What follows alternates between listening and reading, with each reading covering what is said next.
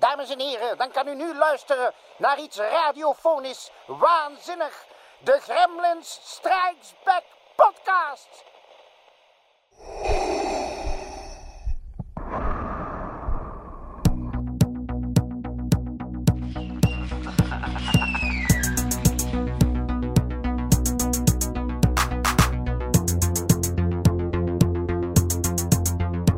Do you read such a?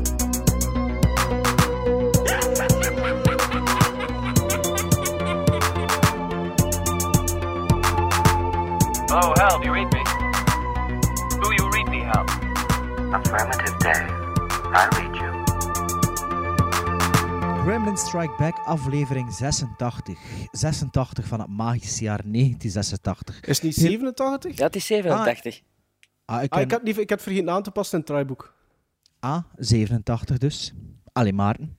Ik zal maar opnieuw beginnen. Hè. Nee, ik ga niet opnieuw beginnen, want eh, welkom in deze aflevering 87 dan maar. Welkom in Melon. Een Wel, halve. Want, nee, melon. Een halve melon mei. Want ja, eh, het is nu vandaag de laatste dag van mei, de voorlaatste dag. De voorlaatste dag van mei.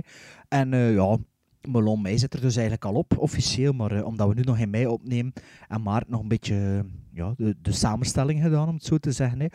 Ehm, natuurlijk, nadeel natuurlijk dat maar een halve melon mei is, is dat ik weer opgezadeld ben met de montage. na, één, na één aflevering uit handen te geven aan Maarten. Maar de jingles of de bumpers hadden hij maken, Maarten? Ja, die, die komen goed. Maar ik heb wel mijn best gedaan, hè. Eh, ja, ja. Ja. Allee. Ja, ik vond dat u best gedaan hebt met die, maar die tweede bumper vond ik toch wel wat flauw. Maar ja, kom, allee, ja, kom maar. Het, kon, het is oké. Vonden vonden mijn, vind mijn, mijn Chewbacca-tribute niet mooi? Nee, nee, van deze aflevering hè, bedoel ik. Ah, oké. Dat van de vorige. Nee, nee, nee, daar is niks, niks op aan te merken. Mannetjes, mannetjes, mannetjes. Maar ik heb nog niet geluisterd Oh waarschijnlijk. nee, Sven. dus je- al die spoilers hier. Ja, maar ja, spoilers. Eh, je moet maar op tijd erbij zijn eh, om te luisteren. Ehm, dus de vorige aflevering eh, hebben we het dus over Easy Rider gehad en Endgame. Ja, ja, en dus ook wel, ja, je moet wel luisteren in de vorige aflevering tot na de, de muziek, hè, want er zit een postcredit. Na de outro noemen ze dat. Als de, luisteraars, de luisteraars nu nog niet weten dat er na elke outro nog iets komt, dan zijn het geen echte, zijn het geen echte fans hè, van Voilà. ons. Allee, ik bedoel, je moet luisteren dat gedaan Ja, Maar ik snap ook eigenlijk niet hoe dat je dat doet, want... want Ja, wat, je ziet dat, toch, dat doet. Maar je ziet toch ook aan de duration dat dat niet kan kloppen. Oftewel, denken de mensen dat we nog gewoon silence erna Nee, doen. nee, wij zijn al, dat is bekend al elke aflevering dat er iets achter zit. Hè. Van, vanaf wanneer we ermee begonnen Ja, zijn. dat is vrij in begin. vroeg, is vrij in het begin. Ja. Ja, ja. Dus nu Ja, gaat iedereen was terug, het. terug luisteren. Oh, Ja. oh. Maar dus er waren veel reacties op Easy Rider en Endgame, hé Maarten? Eh, er waren veel Het was, het was, was één reactie op. Ah, wat, het, was, het was eigenlijk vooral. Easy Rider was de bedoeling voor nog een keer te zeggen dus aan de luisteraars dat er effectief al altijd iets volgt na de outro. Dus dat wil zeggen dat Sven de Ridder wel degelijk, nadat we hem wat gehackeld hebben. Ja, mijn vriendin heeft me onder mijn voeten gegeven dat ik eh, te fel was. Nee, maar nee, maar je hebt gelijk. Je hebt gelijk. Ah ja, ah, wel, ja, ze vroeg, kun Sven dat verdragen? Maar ja, van nu wel zeker, zei ze Zo, zo. wat is dat? Ja, zeg. ik- en ik zei, ik zei ook van, nee, nee, dat was terecht, want de Van afspraak mij niet, is... Sven? Van mij niet? Maar jawel, Ja, zeg. je was zo fel niet, hè. Je was zo fel niet. Nee, ik ben nooit zo fel eigenlijk. Ah. Dat, dat- dat, dat, is- dat, is, dat is juist plezant erom. Allee. Maar, maar Sven wilde nog een keer voor heel kort, in vijf seconden, recapituleren wat dat je van Easy, Easy. Oh, ik kan dat in één Nee, de- Ik kan dat in nee, de luisteraars, nee, de luisteraars moeten naar aflevering 86 gaan, hè. Na de outro. Na de Ja, ja dat, vind ik, dat vind ik wel. Maar moet niet, moet, moet niet te veel naar die pijpen dansen van die, eh, van die luisteraars van ons. ze zijn welkom te luisteren, maar ze moeten wel tot het einde luisteren. En als dat niet het geval is, gaan we er niet in de pijn. Met mijn kinderen is dat ook zo. Als je gedaan hebt met eten, moet je niet twee, of, of dat als je bord li- niet leeg is, of je, wil, je, je zegt dat je genoeg hebt, moet je niet twee minuten later komen dat je honger hebt. En wel, dat is een beetje hetzelfde principe. Vind ik, hè? Of zeg ik weer te streng? Nee, nee. Maar we zullen het aan, nee, u, nee. aan uw vriendin vragen. Dat kun je Ja, toch, dat kun je toch niet volhouden, hè, de, die opvoeding. Maar dat, dat, komt, dat komt allemaal goed. Maar ja, Op een gegeven moment Voor- zeggen ze voort. ja, dat is nu al zo. zo. Zaag die pa. Eh, er is ook een verjaardag blijkbaar. Eh, op 8 juni, twee dagen na D-Day, vier dagen na het online zetten van deze aflevering, is er een film jarig, waar dat we het eigenlijk ook wel een keer uitgebreid over zouden kunnen hebben. Maar dat is misschien een beetje ehm, Beating a Dead Horse, maar aan Het, is, de het andere ligt een kant... beetje voor de hand liggend, Een beetje voor de hand hè, om dat te doen. Ehm, maar misschien dat we de sequel op deze film wel ooit kunnen doen. Want namelijk Ghostbusters 2 heeft er één van ons drie nog niet gezien. En het is nog wel de man van wie dat de tijd nog minst van ons zou verwachten. Ja, ja, van mij. Eh, maar het is ook eh, eigenlijk door een stom toeval dat ik ontdekt heb dat ik die nog niet gezien heb. Je denkt altijd, ik heb die gezien, maar ik heb eigenlijk alleen altijd maar die trailer gezien. En waarom dat ik die niet gezien heb, of nooit gezien heb, is ook een raadsel. Ik snap het En niet. waar, Ja. ligt het, en waar ligt het stom toeval dan juist in? Met dat Bart is een hele uitleg was zo'n toon. En ik zo, ja, ja, ja, ja, ja, ja. Zo'n heel, heel WhatsApp-gesprek over en, en, en met je... Juist. Ja, ja, dat zei ik. En ik dacht, en ik ben dat er nog gaan opzoeken. En ik heb die film helemaal niet gezien. Maar, maar, dat is, maar, maar begrijpt u waarom dat wij dat wel straf vinden? Dat ik net jij Ja, ja. Ghostbusters Ik 2 vind nog dat- niet gezien Ik vind hebt? dat zelf Ja, ook straf. Ja, wacht, hey, 35 jaar, dus wel- welk jaar was dat? Dus 89? de eerste Ghostbusters is... Nee, ja, nee. inderdaad. Nee, dat- Ah nee, 35, ah ja, de eerste Ghostbuster, 35. Ja, de eerste Ghostbusters. 89, hè, dacht ik, 89 hè. en 2, ja. Ja, maar die kregen wel... Dat is nog altijd een beetje een verguisde film, just like Gremlins 2, hè. Dat, is, dat wordt zo niet... Sven, wat zit hij aan het doen? Is dat zo wat houtvissen? Houtvisjes? Nee, narwhals. Wat is dat? Narwhal? Een narwhal? Ken je een narwhal? Ik ken ook geen narwhals, hè. Dat, een narwhal, Dat dat is- een soort... Eh, Een walvis, een eenhoorn ja, walvis. ja, absoluut. Ja, zo'n soort walvis, dolfijn, met een unicorn. Dat bestaat. Dus, dus de vorige keer was het drie mannen onder één dak, eh, mok. Nu is het een soort... eh, ah, wel, je kent dat van die bekertjes voor kindjes, als Een er ermee schudt... Dat, dat er ermee schudt, dat er zo wat eh, blinkertjes naar beneden Ah, komen. Zo'n Ja, dubbele, maar dat, dubbele dat, wand. dat ik niet smoes op Ah, mijn laptop. Nee, nee, nee. Ah, ja. Had dat toch Ah, niet ja. in Texas gekocht, Nee, nee, hè? dat komt van mijn dochter. Dat is eh, iets van Tenerife, denk ik. Ah Ah, ja, ja. oké. dus je zit, je zit er ter dochter uw beker, haar beker Ik mocht hem Je ziet, gebruiken. er, je ziet er fantastisch geloofwaardig uit. Ja, wat zit er daarin? Want het ziet er maar gewoon water uit. Tuurlijk, dat. Dat is gewoon plat water. Ah, dus je doet mee aan dingen van die plastic. No plastic eh, mee. Nee, helemaal niet. Wat, is, wat was het? Mijn, Mij plastic Mij vrij. plastic- mijn plastic vrij. Oh, het wacht stil, ik ging er juist frieten halen en het was de laatste dag dat ik een plastic zakje mee kreeg. Dus vanaf Ah, 1, dat vind ik vanaf goed. 1 juni Dat is het vind ik gedaan. goed. Ah, en dat wat geven ze dan mee? Ah, ze hebben zo'n, doos. nee, nee, ze hebben zo'n speciale zak laten maken voor al hun klanten. Met gatjes in van onder, zo'n Ja, her- een- herbruikbare. Oh, dat vind ik wel chic. Ja. Dat vind ik wel chic. En anders geen zakje, nee, dat gaat ook, hè. Wat is dat nu voor een zever? Ik zat toch juist op Hoe strand, zeg hè. je dat goed ook? Ik weet niet wat ik allemaal moet meebrengen, zeker? Dat kun je toch stapelen? Wat is dat nu voor Hoe een zever? stapelen? Ja, en, nu- En dan ja, ging je als een dat keer, dan, je keer als dat dan schuurt Ja. in je auto of Zeg. zoiets. Of, of Schudden, omdat hij in de auto al zo met je, hand- met je vingers in dat gatje zit te, te friemelen voor zo wat friet Ah, dan moet, ik moet altijd de friet hebben onderweg. you got me. Hey, maar ik zat dus juist op het strand, er was er ook nog allemaal plastic. En, en al die mannen eh, op, op de Surfers Paradise in Knokken, alleen in. Zoete. Hey, al die surfers allemaal zagen plastic in de zee, plastic in de zee. Ik vraagde zo een portie nachos, krijg je zo'n frietbakje. Een plastieke frietbakje, hè? Dat is toch niet Allee, meer van, de- dat is toch niet meer van deze niet van u- heb tijd? niet van uw tak gemaakt. Heb je van uw tak gemaakt? Wow, ik was er al veel te veel aan het zagen over van alles en nog wat, dus ik gewoon mijn bek houden. Ehm, in elk geval, over bekhouden gesproken. Eh, je kunt ons volgen op sociale media. Eh, Facebook, Twitter, Instagram. We hebben ook een Letterboxd-account. Dat is dus waar we alle films loggen. We hebben die individueel, maar we hebben die ook van de podcast zelf. Eh, als je Gremlin Strike Back opzoekt, gaat ons wel vinden. En daar kun je eigenlijk eh, elke keer zien. Als je ons volgt, ik zal het zo zeggen, en je zoekt een film op, dan kun je direct zien dat, dat we hem ooit al besproken hebben in een aflevering. Maar houdt dat elke aflevering bij, als ik me Ja. niet vergis. Ja, Is klopt. de- Plus onze, onze seal of approvals. bijgehouden. ja. Onze seal of approvals Onze- staan van boven. Hè? Ja, maar het is lang geleden, is Sven. Ja, maar zeg, het kan niet altijd raak zijn. Hè? Maar ja, nu natuurlijk met deze eh, actie waarin we, dat we eh, elk een regisseur kiezen met drie klassiekers of zo. Zoals daar is John Schlesinger vandaag van Maarten. Zou het wel een keer kunnen dat we negen Seal of Approvals dan. Want we zijn weer op, op zoek, hè. We zijn weer op zoek naar... We willen er weer een beetje aan, Seal of Approvals. Dus eh, we zijn... ja, we zijn op speurtocht, ik zal het zo zeggen. Hè. Daarnaast hebben we ook iTunes. eh, en daar kun je ratings op geven. Hè. Allee, op iTunes kun je ratings geven. En ook reviews. En misschien op alle andere eh, eh, dingen dat we op te vinden zijn ook, dat weten we niet. Dus laat maar een review achter of stuur een mail. En eh, dat was het zo wat. hè. Sven, is er iemand dood? Nee. You know something, people? You're going to be remembered the rest of your lives for the day you got held up and kidnapped. Victims of Stockholm Syndrome develop compassion and loyalty towards their captors.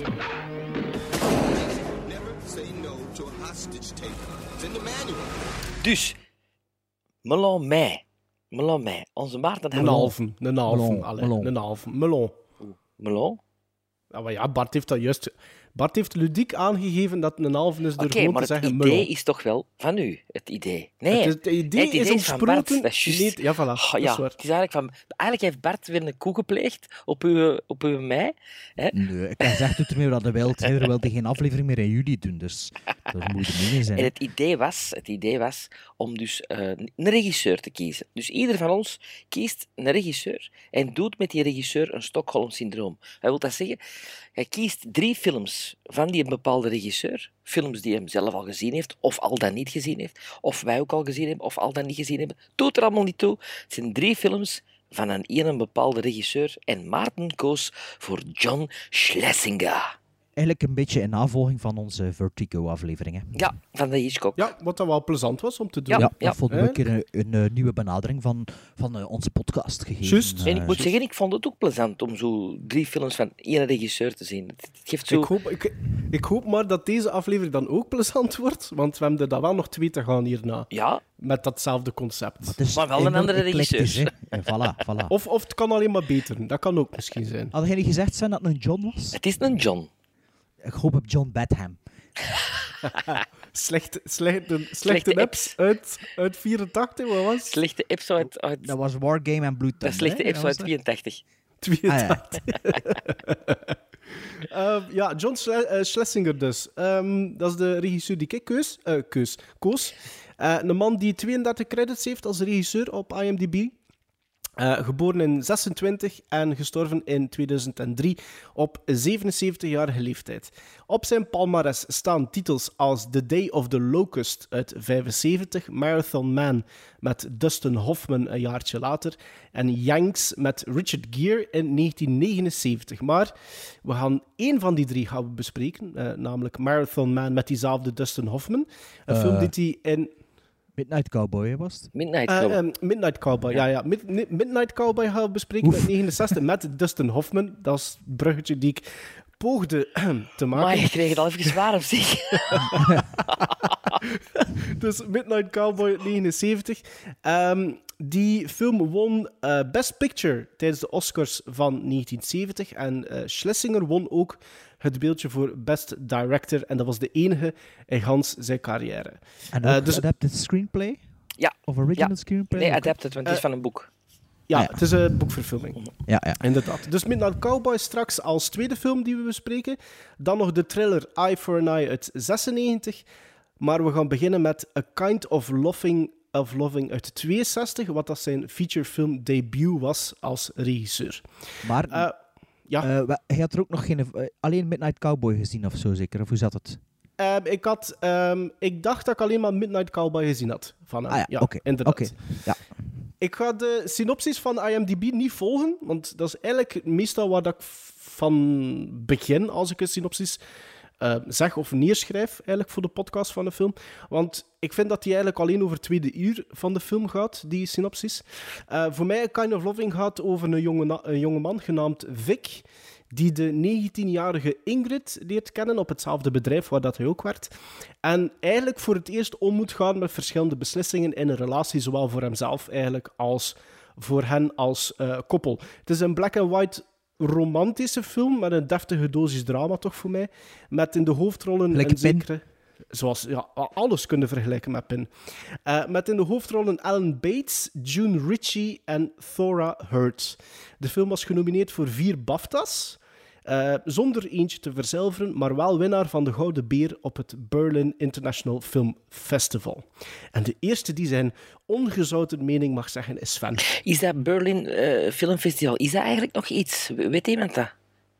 Ja, toch wel. Dat bestaat toch nog altijd? Ja, ja, maar is dat nog, wordt dat nog op zo van... Dat, dat is zo de eerste van het jaar samen met Sundance. Hè. Dat is het begin van het jaar. Ah ja, ja. Ik vind dat nog relatief belangrijk. Want je hebt zo. Venetië, hè? Venetië, Venetië, kan... en Berlijn in Berlijn. Europa. Ja, ja, ja. En dan... Ja, ja. En, en, en, de, en Gent, hè, Joseph Plateau. Ja, ja, en, en Oostende. Hè. nee, dus A Kind of Loving uit 62.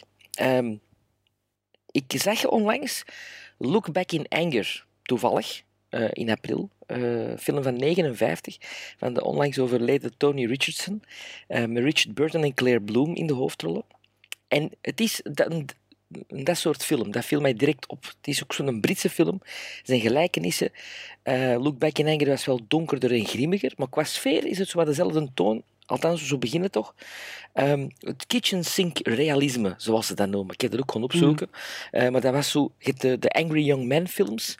En die dan zich afspelen in van die echt eh, eh, ja, buitenwijken of stedelijke buitenwijken, zo Manchester, deze film trouwens. En je hebt dat kitchen sink realisme waar dat je dus in de huiskamer zit en hoe het was in die tijd. Eh, heel krap en benauwd en, en niet veel luxe. En je krijgt al van in het begin een ongelooflijk tijdsbeeld, vind ik. Het begint met een trouwfoto, een fantastische generiek, ehm, waar dat je Ja. dus ineens de verhoudingen ook ziet tussen wie is wie. De, de, de zuster van Ellen Bates eh, trouwt. eh, Klopt. en ehm, dan, ik, ik kon zo, ik kon niet chronologisch, al ik kon chronologisch gaan, maar ik kon niet, niet, nog niet zozeer op het verhaaltje. Ik kon over de sfeer vooral met een uitleg geven. Dus de, dan krijg je de werksfeer, waar Alan Bates werkt en waar ook eh, June Ritchie werkt. De mannen en de vrouwen apart. Typisch voor die tijd. Typistisch, typistes die even Ja, typist. Ja, ja, seksistisch ja. reageren als er een jonge gast binnenkomt, als de mannen die fluiten als er een van de vrouwen binnenkomt. Heel hoog gedaan, vind ik. Realisme, fabrieksfeer. Van in het begin valt al op dat... Groenten uit Balen. Ja, ja, die heb ik niet gezien, maar inderdaad zou kunnen. Maar van in het begin, Maar wel bevestigend antwoorden, Bart. Ja. van in het begin valt het op, allez, valt, valt het mij op dat June Christie een superactrice is. Die heel straf, heel echt, heel sensueel en heel sexy eh, aan het spelen is. Ehm Ellen Bates, iets Cary Grant-achtig, speelt ook geweldig. Heel natuurlijk. Eh, mooie fotografie, mooi gestileerd. Een toffe transfer ook trouwens, die, die ik gezien heb. Haarscherp beeld en, en, en zwart-wit, zoals ik zwart-wit graag zie, met heel veel details. Eh, en beide eh, leren elkaar kennen op de werkvloer, de twee personages.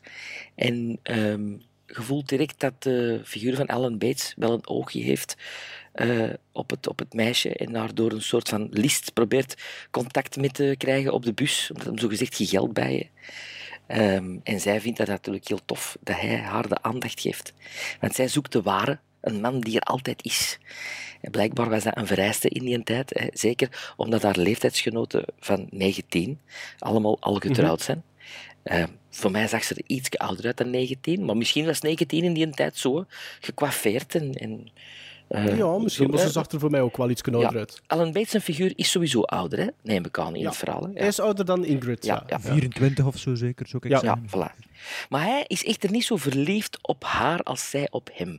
Dat wordt wel van in het begin duidelijk, zo vind ik. Eh, zij wil echt iemand in haar leven en hij is nog zoekende, eh, alhoewel dat hij ouder is. Eh, zo na 40 minuten zakt voor mij de film een beetje weg, maar de sfeer blijft overal altijd overeind. Eh, de film grijpt direct weer de aandacht, ook door het fenomenale spel van eh, June eh, Ritchie. En, en de scène waarin dat ze het boekje ontdekt eh, dat hij met zich meedraagt, een, een vooralboekje, een seksboekje van in de tijd Een seksboekje, ja. en haar ja. daarna eh, overgeeft aan hem, omdat ze denkt van misschien is dat wat dat mannen willen en, en ik zal maar doen waar dat in het boekje staat. Ja, dat is een fenomenale scène, vind ik. Dat is echt dat is fantastisch gespeeld, van alle twee. Ja. Eh, ik, ik, ik, ik spring echt van rak op de tak, hè, omdat ik, zo, ik heb van alles opgeschreven. De balscène daarna, waar dat ze eh, iets komt vertellen aan hem. Mogen we zeggen wat? Ik weet het, ja, ik weet het niet. Ja, oké. Bon, zo komt dus iets vertellen aan hem in die balscène. En wel, ik, ik zat constant met het gevoel, terwijl die film zag te zien, dat ik een tijdsbeeld kreeg van al de verhalen die mijn moeder aan mij vertelde over deze periode. Want mijn Ja? moeder was toen 25, in, in, in 62. En de bals en de werksfeer en, en hoe dat, dat toen was in de verhoudingen tussen mannen en vrouwen en, en, en bij de familie thuis wonen, totdat je iets vond om, om, om te huren of te kopen. Dat was echt, ja, dat was, ik zag dat allemaal ineens voor mij in die film. Dus op een of andere manier raakte die film mij wel. En, en werd ik meegesleurd in een, in een tijdsbeeld van mijn moeder, eigenlijk.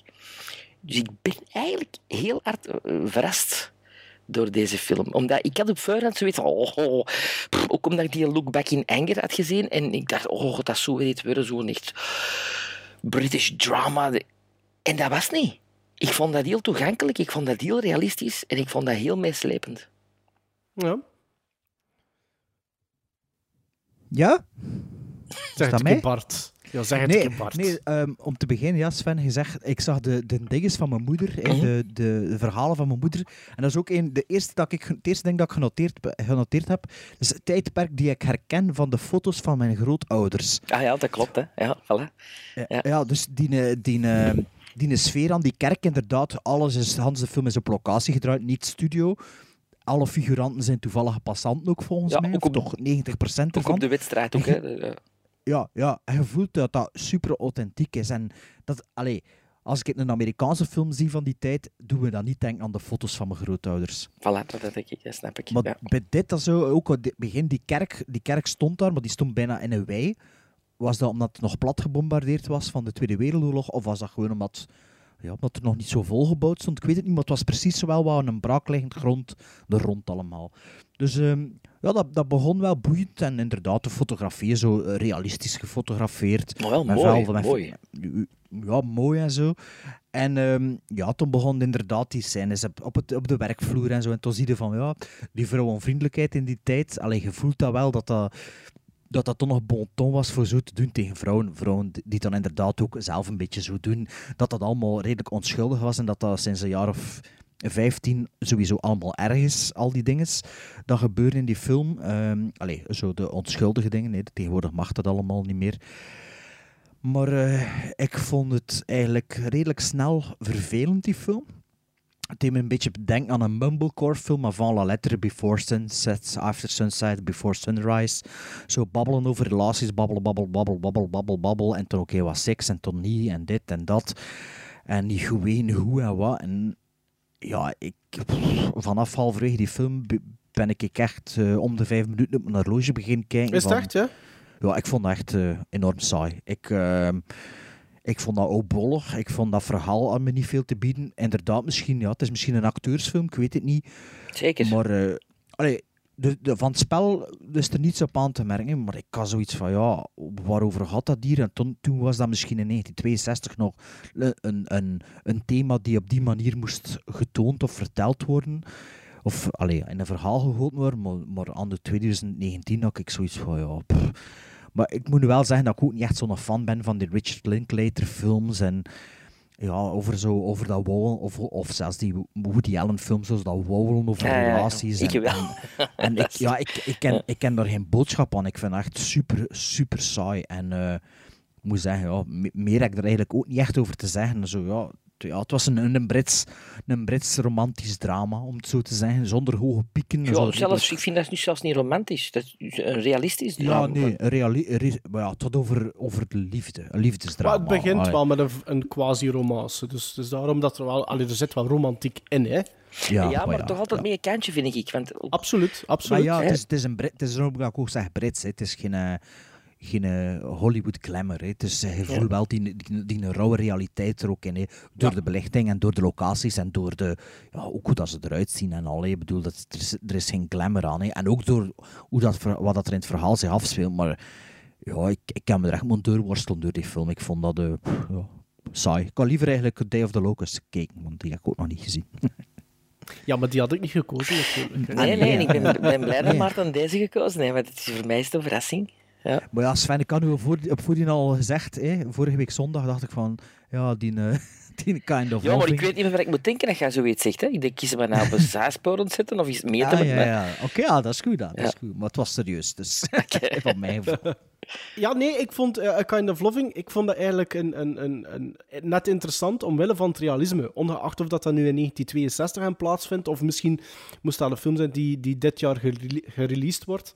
Alhoewel natuurlijk de, de beslissing die die personages nemen, zou natuurlijk dezelfde niet meer zijn Ik weet dat niet. 2019. Ik weet dat Ah, niet, ik weet het niet, ik denk in ik de, in, niet. de, in de minder begoede eh, eh, wijken of... Wijken. Ik weet niet of dat, dat zo'n ding is nog speelt. Hè, van bij, echt bij je moeder wonen totdat je, eh totdat je het aan er zit en, en, en, en zien dat je kunt rondkomen met geen dat je het... En, Het zou, natuurlijk, het zou natuurlijk niet allemaal hetzelfde zijn. hè. Het zou natuurlijk... De, de, het zou wel, bepaalde kantjes zouden misschien wel nog kunnen zijn. ja, maar zijn, Zijn beslissingen, hè, zo die, die, die zie ik mensen nu ook nog nemen. ze. Dat is universeel, hè. Allee, Ik, universeel. ik vond vooral dus, ik vond dat, dat, dat realisme vond ik eh, plezant. Ehm, en dat, dat, dat, dat settelt hem binnenin de eerste vijf minuten. Maar wat dat er nog meer opvalt buiten Ingrid, June Ritchie, is ik vond die Alan Bates eigenlijk een serieus charisma hebben Ja. als acteur. En, en hoewel dat, dat een black-and-white movie is, er zijn shots van Alan Bates dat ik zelfs als man vond, en ik ben heteroseksueel, dus ik bedoel daar eigenlijk niks, niks seksueel mee, maar dat hij indringende ogen Ja, had. ongelooflijk. Ik vond hoe dat die gefotografeerd op met momenten, dat vond ik qua, qua facial expressions eigenlijk echt wel indrukwekkend. En ik geloofde die daar ook, eh, daardoor ook, denk ik. En zeker in het begin, toen dat hij die Ingrid leert kennen, was er een, voor mij een perfecte chemistry tussen die twee. Zo twee jonge mensen die zo wat, misschien een soort van coup de foudre, zo wat hals over kop, toch verliefd worden. Want dat, dat is wat dat ik daaruit haalde, zeker in het begin. En, en wat dat er voor mij belangrijk was, en wat daarna volgt, dat is eigenlijk het nog 90 minuten, want het is een runtime van een uur 52, vond ik continu interessant, omdat die, die Vic, die Alan Bates, die blijft zo centraal staan. Het is, het is hem die gevolgd. Want uiteindelijk zijn het zijn beslissingen die, ehm, waardoor dat verhaaltje blijft voortkabbelen. Ehm, en, en, en dan vroeg ik mij als kijker af van, ja, maar wat, zijn, en wat, wat waren nu eigenlijk zijn bedoelingen met die Ingrid? E- Heeft hij spijt van bepaalde beslissingen? En zelfs op het einde, wat geïnterpreteerd zou kunnen worden Het einde als... vind ik fantastisch trouwens. Het, het Ja, laatste scène, het laatste shot is echt zo... goh, Ja. allee. Ik, Dat is een happy want end, maar toch niet. Ja, maar, wat, voilà, ik heb het neergeschreven. Schijnbaar, schijnbaar een happy end zou kunnen zijn, krijg ik de indruk dat hij het nog altijd niet goed weet. Ja. En, ehm, en dat hij eigenlijk misschien voor het eerst in zijn jonge leven, hè, en eventueel ten onrechte, misschien een beslissing genomen, genomen heeft door te luisteren naar zijn omgeving. En dat hij niet goed weet, is dat nu eigenlijk wel wat ik wil? Is dat goed? Is dat niet goed? En daar stopt de film dan ook. Ehm, maar voor mij, ik moet Bart daarin tegenspreken, ik vond dat nooit saai. Ik ook niet. Ik vond dat een fantastische vibe hebben, een, een, een echte realisme, een mooi tijdsbeeld, goede karakters. Dat narratief is natuurlijk niet wereldschokkend, hè, maar ja, A Kind of Loving, ik heb daar echt met plezier naar gekeken. En het was ook de eerste film van de drie dat ik ook gezien heb, dus voor mij was dat eigenlijk een perfect begin Ja, ik, ik, van John zo, Schlesinger. ik bekijk zo chronologisch, omdat dat wel interessant is om, om Ja. die regisseur zo... Allee, om die evolutie mee te maken. Om zo. Maar Maarten, hoe komt het eigenlijk dat die film gekozen hebt? Kende je die? Of was dat door research te doen? Of... Ja, ik, was, ik was eigenlijk... eh, eh, dus de insteek was voor mij... Het, het moet beginnen met, met een film die ik eigenlijk wil allang opnieuw bekijken. En Midnight Cowboy, waar we het straks over hebben, was zo'n film. En dan dacht ik van, ah, John Schlesinger, voor mij wel een bekende naam. Ik heb er nog films van gezien van die man, maar er zijn er veel dat ik nog niet gezien heb. En toen was ik aan het kijken naar zijn credits en dacht ik van, ja, oké, dan zou ik wel graag beginnen met zijn directorial. Maar je En- kende die film ook niet anders? Nee, Ah, oké. nee, nee. Ik heb hem wel direct eh opzoeken op Blu-ray en op mijn wishlist gezet. Ik wil dat hebben. Oké. Ja. Oké. Ja, ik, ja, oké, oké, oké. Ik, eh, allee, we, we plakken er gizmos op. Hè. Eh, voor mij een goede binnenkomer. Dus geen seal of approval, maar ik geef dat wel een dikke 7. Ik geef 7,5. Ik een dunne vier. Een Bij dunne. mij heeft lang ehm, ons tussen 8 en 7,5 gezeten. Ah, wel, van mij tussen 7 en 7,5. Ik heb dan uiteindelijk besloten op, op 7. I'm sorry to bother you, but I'm in a bit of a spot.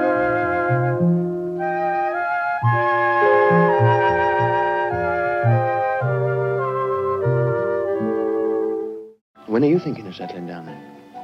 When I find the right chap, What sort of bloke are you looking for? just someone who's with me all the time. Well, you just have to wait and see who turns up. Well, do you know he hasn't turned up already? Marathon Man. Allee, a.k.a. Midnight Cowboy. Midnight Cowboy is eh, de tweede film van John Schlesinger die we gezien hebben. Schlesinger of Schlesinger? Schlesinger. Schlesinger. Schlesinger. Schlesinger. En omwille van de titel moet jij uit de doeken doen over wat dat de film Ja, gaat. Midnight Cowboy. Film die, ehm, ja, die iedereen wel kent, en ook, maar ook niet, denk ik dan. Hè? Zo. Ik had hem nog nooit... Easy Rider zegt. hè. Ja, zo weet ja. Ik had hem nog nooit Toch gezien. Ik had hem nog nooit gezien. Joe Buck, een rol van John Voight, is de naïeve cowboy uit Texas die ervan droomt New York te veroveren door rijke, alleenstaande vrouwen te verleiden. Ratso Rizzo, een rol van Dustin Hoffman, is een miserige oplichter, uitgeteerd door tuberculose die zich vermaakt bij het zien van deze boerenkinkel en al zijn mislukte pogingen om de vrouwen te verleiden. Deze ruwe vriendschap staat centraal in Midnight Cowboy. Wordt er gezegd dat hij hem TBC heeft of wat? Want ik heb dat niet gemist. Ja, dat kunnen wel. Allee, dat, dat is de ziekte dat je zo onthoesten bent en dat je. Hè, Longkanker kan toch ook zijn? Moet je daar ook niet van hoesten, maar longkanker? Of van een hard- hardnekkige longontsteking? ja. Ik weet niet, maar zeggen ze dat in die film dat dat TBC is? Nee, maar dat is, toch wel de, dat is toch wel de ziekte van, van, van homeless. Zwervers. Ja, ja. Zwervers. Ah, is dat? Oh, Ja, nee, dat is zo. Hè, in, in niet verwarmde, eh, vochtige ruimtes leven. Kan dat wel eens meebrengen, hè, denk ik dan. Ja, Midnight Cowboy, ik had die alleszins al minstens één keer gezien. Ik denk ook maar één keer, als ik eigenlijk eh, eerlijk ben. Lang geleden. En ik weet dat ik dat toen ook zo'n beetje, zoals de eerste keer Easy Rider zag, het gevoel had van, oh ja, is het is dat maar, dacht ik van, ja. Maar dus het was zeker al tien jaar geleden dat ik hem gezien heb. Dus ik was wel blij met die keuze voor Marathon Man van Maarten. Eh, Dustin Hoffman zie ik ook wel altijd graag spelen. Eh, en eh, John Voight, ja, ook natuurlijk. Het is de eerste keer dat ik eigenlijk echt Angelina Jolie herkende in eh, John Voight. Of omgekeerd, Angeli eh, John Voight in Angelina Jolie. Want in deze film zie je wel dat, ze, dat hij de vader is van haar. Vind je dat niet? Is dat de- Ik heb dat, nog, ik heb dat dat nooit gevonden. Ik heb dat ook nog nooit niet gezien. Wel, maar nu Ja? bij deze zag ik het wel op, op bepaalde shots. Maar los daarvan. Hè. Ehm, vorige aflevering hadden we het over Easy Rider, over twee mensen die van eh, west naar east gingen. En deze keer had het over Midnight Cowboy, waarbij dat John Voight van south naar noord gaat. En ehm, ja, dat we de, de reis met hem meemaken. Nee, dat is ook wel redelijk letterlijk in het begin van de film, want we beginnen in... Is Texas? Ik weet het eigenlijk niet. Is Texas? In Texas? waar dat die- Texas waar van dus- south naar east, hè, eigenlijk. ja, ja, ik weet het, maar ja, dat, dat, mijn brugske, hè. Ik weet het, en het, is, en het is ook niet echt van, van, van west naar east, hè. Ja, Het is van west naar, eh, naar east-south, eh, southeast, hè. Dat je dat had, dat je van eh, Californië naar Florida had. en het is een beetje schuin, hè, zo. En dan Dus zeker als je stopt functie over... van het bruggetje, hè. Allee, ja. ja, maar dus laten we zeggen dat hij van het zuiden naar het noorden had, hè, wat dat ook een beetje symboliek is in het verhaal hè, van hè, het personage die... Uh, zwart. Ik zal het u nu uitleggen, maar het zal te veel met handen en voeten zijn anders. Ehm, in elk geval, je ziet dus ehm, John Voight in het begin van de film vertrekken als inderdaad enorm naïeve, misschien zelfs een beetje idiot-savant persoon ja. die eigenlijk gewoon zegt van ja, ik stop hier en ik ga naar eh, New York City, want ik ben een mega hele vent, alleen een mega sexy vent. Eh, want mijn oma zei dat altijd. En eh, de vrouwen gaan daar voor mij zwijm van, want ik ken een cowboy nu dan. En eigenlijk al gedurende de, de eerste act, wanneer dat hem eigenlijk naar het noorden, allee, naar het oosten, noordoosten eigenlijk is, zeker Sven, precies, eh zie gaan. En je ziet, het, je ziet het landschap veranderen, een beetje zoals Easy Rider. Hè. En merkte en de mensen dat hij tegenkomt, die gaan natuurlijk met de bus, want dat is goedkoper. De mensen dat hij tegenkomt vervreemden meer en meer van, van zijn leefwereld of van de mensen die die gewoon is van om zich heen te zijn. Ehm, een keer als ze natuurlijk in New York komen, dan merkte natuurlijk het grote verschil met de, de naïeve boerenkinkel, om het zo te zeggen, en het harde New Yorkse leven, waarbij dat eigenlijk iedereen voor, ze, voor zichzelf... ehm, ja, voor zichzelf schermde, of iedereen elk voor zich, eh, de rat race van New York City. Ehm, ik vond dat dat Hans die sfeer eigenlijk ehm, ehm, een beetje zoals A Kind of Loving heel realistisch in beeld gezet wordt. Als in van, het is allemaal op locatie, je ziet dan de figuranten, geen figuranten zijn, zeker in New York City. Dat zag je toen zeker al veel in films, maar hier viel het ook op. Je voelde ook aan de montage en de beeldvoering, je voelde een omschakeling tussen het zuiden en het noordoosten van Amerika. En je, gevoeld dat, dat, dat er over nagedacht is, beeldvoermatig en zo. Mhm, En mhm. dat was me de vorige keer allemaal niet, niet, niet opgevallen. Dus ik moet zeggen, de, de film wist me wel enorm te herverrassen. Of te verrassen eigenlijk, voor de eerste keer. Eh, het moment dat hij dan ook ehm, Dustin Hoffman leert kennen, die hem dan eigenlijk op zijn, naar zijn eerste klant stuurt, waarbij dat, de, dat er eigenlijk ook wel een, een, een goede scène is, dat dan toch anders uitdraait dan dat je als kijker Uiteraard. verwacht. Ja? Ja. Dan dat als kijker verwacht. En... ehm, ik, vond dat, ja, vond dat een goede scène. Je voelt ook dat dat een beetje de, de begin van New Hollywood is. Die film wordt er niet echt bij vermeld, maar je voelde wel raakvlak met Easy Rider. Niet in de free spiritness of, of it all, om het zo te zeggen, maar wel in de revolutionaire montage of de dingen die gedaan worden en hoe dat bepaalde zaken Mm. meegebeeld worden aan de kijker. Zoals bijvoorbeeld hoe dat die eh, John, het personage van John Voight zichzelf ziet. Hoe dat, die, allee, hoe dat, dat zo gekomen is, wordt enkel door bepaalde shots en soundbites aan, aan de kijker verteld, maar wel perfect te begrijpen wat er aan de hand is. Al En enkel met- indrukwekkend. ja, eh, en enkel dat met dat meisje is me niet heel duidelijk hoe Mij dat die vork in de steel zit. Ik denk dat Eh, ik dat weet. Wel, ik denk het ook, maar dat is me niet helemaal duidelijk. Maar dat is misschien ook Ja, de maar, reden, maar ik denk dat dat misschien waarom dat zo is. Ja, voilà, Want ik denk dat dat de, ja, net de kracht is. Ja, want Hans die film lang is het ook niet duidelijk. Is het een gewoon een ehm, is het een gast met een zelfs misschien met een, PS, een PTSD met post-traumatic syndrome. Zeker. PT, PTSD is het. hè. Ja, maar het wordt heel subtiel meegegeven. Of is het gewoon een, een, een, ja, een, een idiot savant, een, een simpele boer. Alleen een boerken en zo, die, die van niet beter weet. En ja, oké, eh, eh, als je verhaal verder gaat, probeert het dan zo wel zelf ook te hustelen. Maar uiteindelijk ja, is dat meer geprutst dan iets anders. En ja, als je dat vergelijkt met de, met de Dustin Hoffman karakter, ja, dat is een echte hustler. Hè. Mhm. En dan, ehm, ja, de, hoe zeggen, de Hoe laatste spelen die alles weer niet, zeg. ja, ze- het is echt ongelooflijk gespeeld. Ik, ik, ik wist ook wel niet meer zoveel van de film, het eerste deel nog. Maar ik moet wel zeggen, het laatste half uur begon het me wel toch een beetje tegen te steken. Wat ik wel jammer vond, want het eerste uur waar ik echt... allee, waar ik eigenlijk van, viel ik van de ene verbazing in de andere. Zowel van beeldvoering, van montage, van, allee, van acteren sowieso ook. En ehm, daarom vond ik een beetje dat laatste half uur vond ik een beetje te, te lang gerokken, om het zo te zeggen. Maar ik snap wel waarom dat dan het laatste act eigenlijk ook zo lang duurt. Omdat, ja, voor, ik snap wel waarom dat, dat zo lang moet duren. Maar ik had zoiets van, goh, ja, jammer dat, dat die, die film voor mij dat niet kan volhouden tot het einde, toch. Zo. Maar eh, ik moet wel zeggen, het was wel een betere kijkervaring dan de, dan de laatste keer dat ik, dat ik de film gezien heb. Dus, eh, Mm, ja. Ik ben benieuwd wat dan, eh wie is het? Maarten of Sven? Wie de, Maarten, jij had hem al gezien, hè? En wel, net als, net als jou had ik hem eh, nog maar één keer gezien. En ik denk dat ik toen een jaar of 18 moet geweest zijn. Dus dat is ondertussen 16 jaar geleden. En wat, wat ik kan zeggen na een tweede eh, volledige kijkbeurt is dat ik bijna alles nog wist van eh, Midnight Cowboy, maar dat ik er inderdaad ook wel op een andere manier naar gekeken heb. Ehm, dus ja, die bijzonder naïeve John Voight, die de New York Dream als hustler eh, denkt te gaan beleven. Is dat een beetje En- like de American Dream, de New York Dream? ja, ik heb, dat, ik heb dat de New York Dream getiteld. Ik vond dat dat zo... Dat was precies voor hem het, het The Promised Land. Ja, maar dat kan, hè? Dat mag, hè? Dat is gewoon een Oh vraag. ja, dank u, dank u Bart, dat dat mag. Ehm, en die droom wordt al snel aan diggelen geslaan natuurlijk. Hè. En, en dat werd feilloos, omdat John Voight nu eenmaal geweldig staat te spelen. Ehm, ik had ook eh, neergeschreven van die flashbacks. Ik vond die heel doeltreffend. Soms wat... bracht me soms wat van de wijs. Het was een beetje...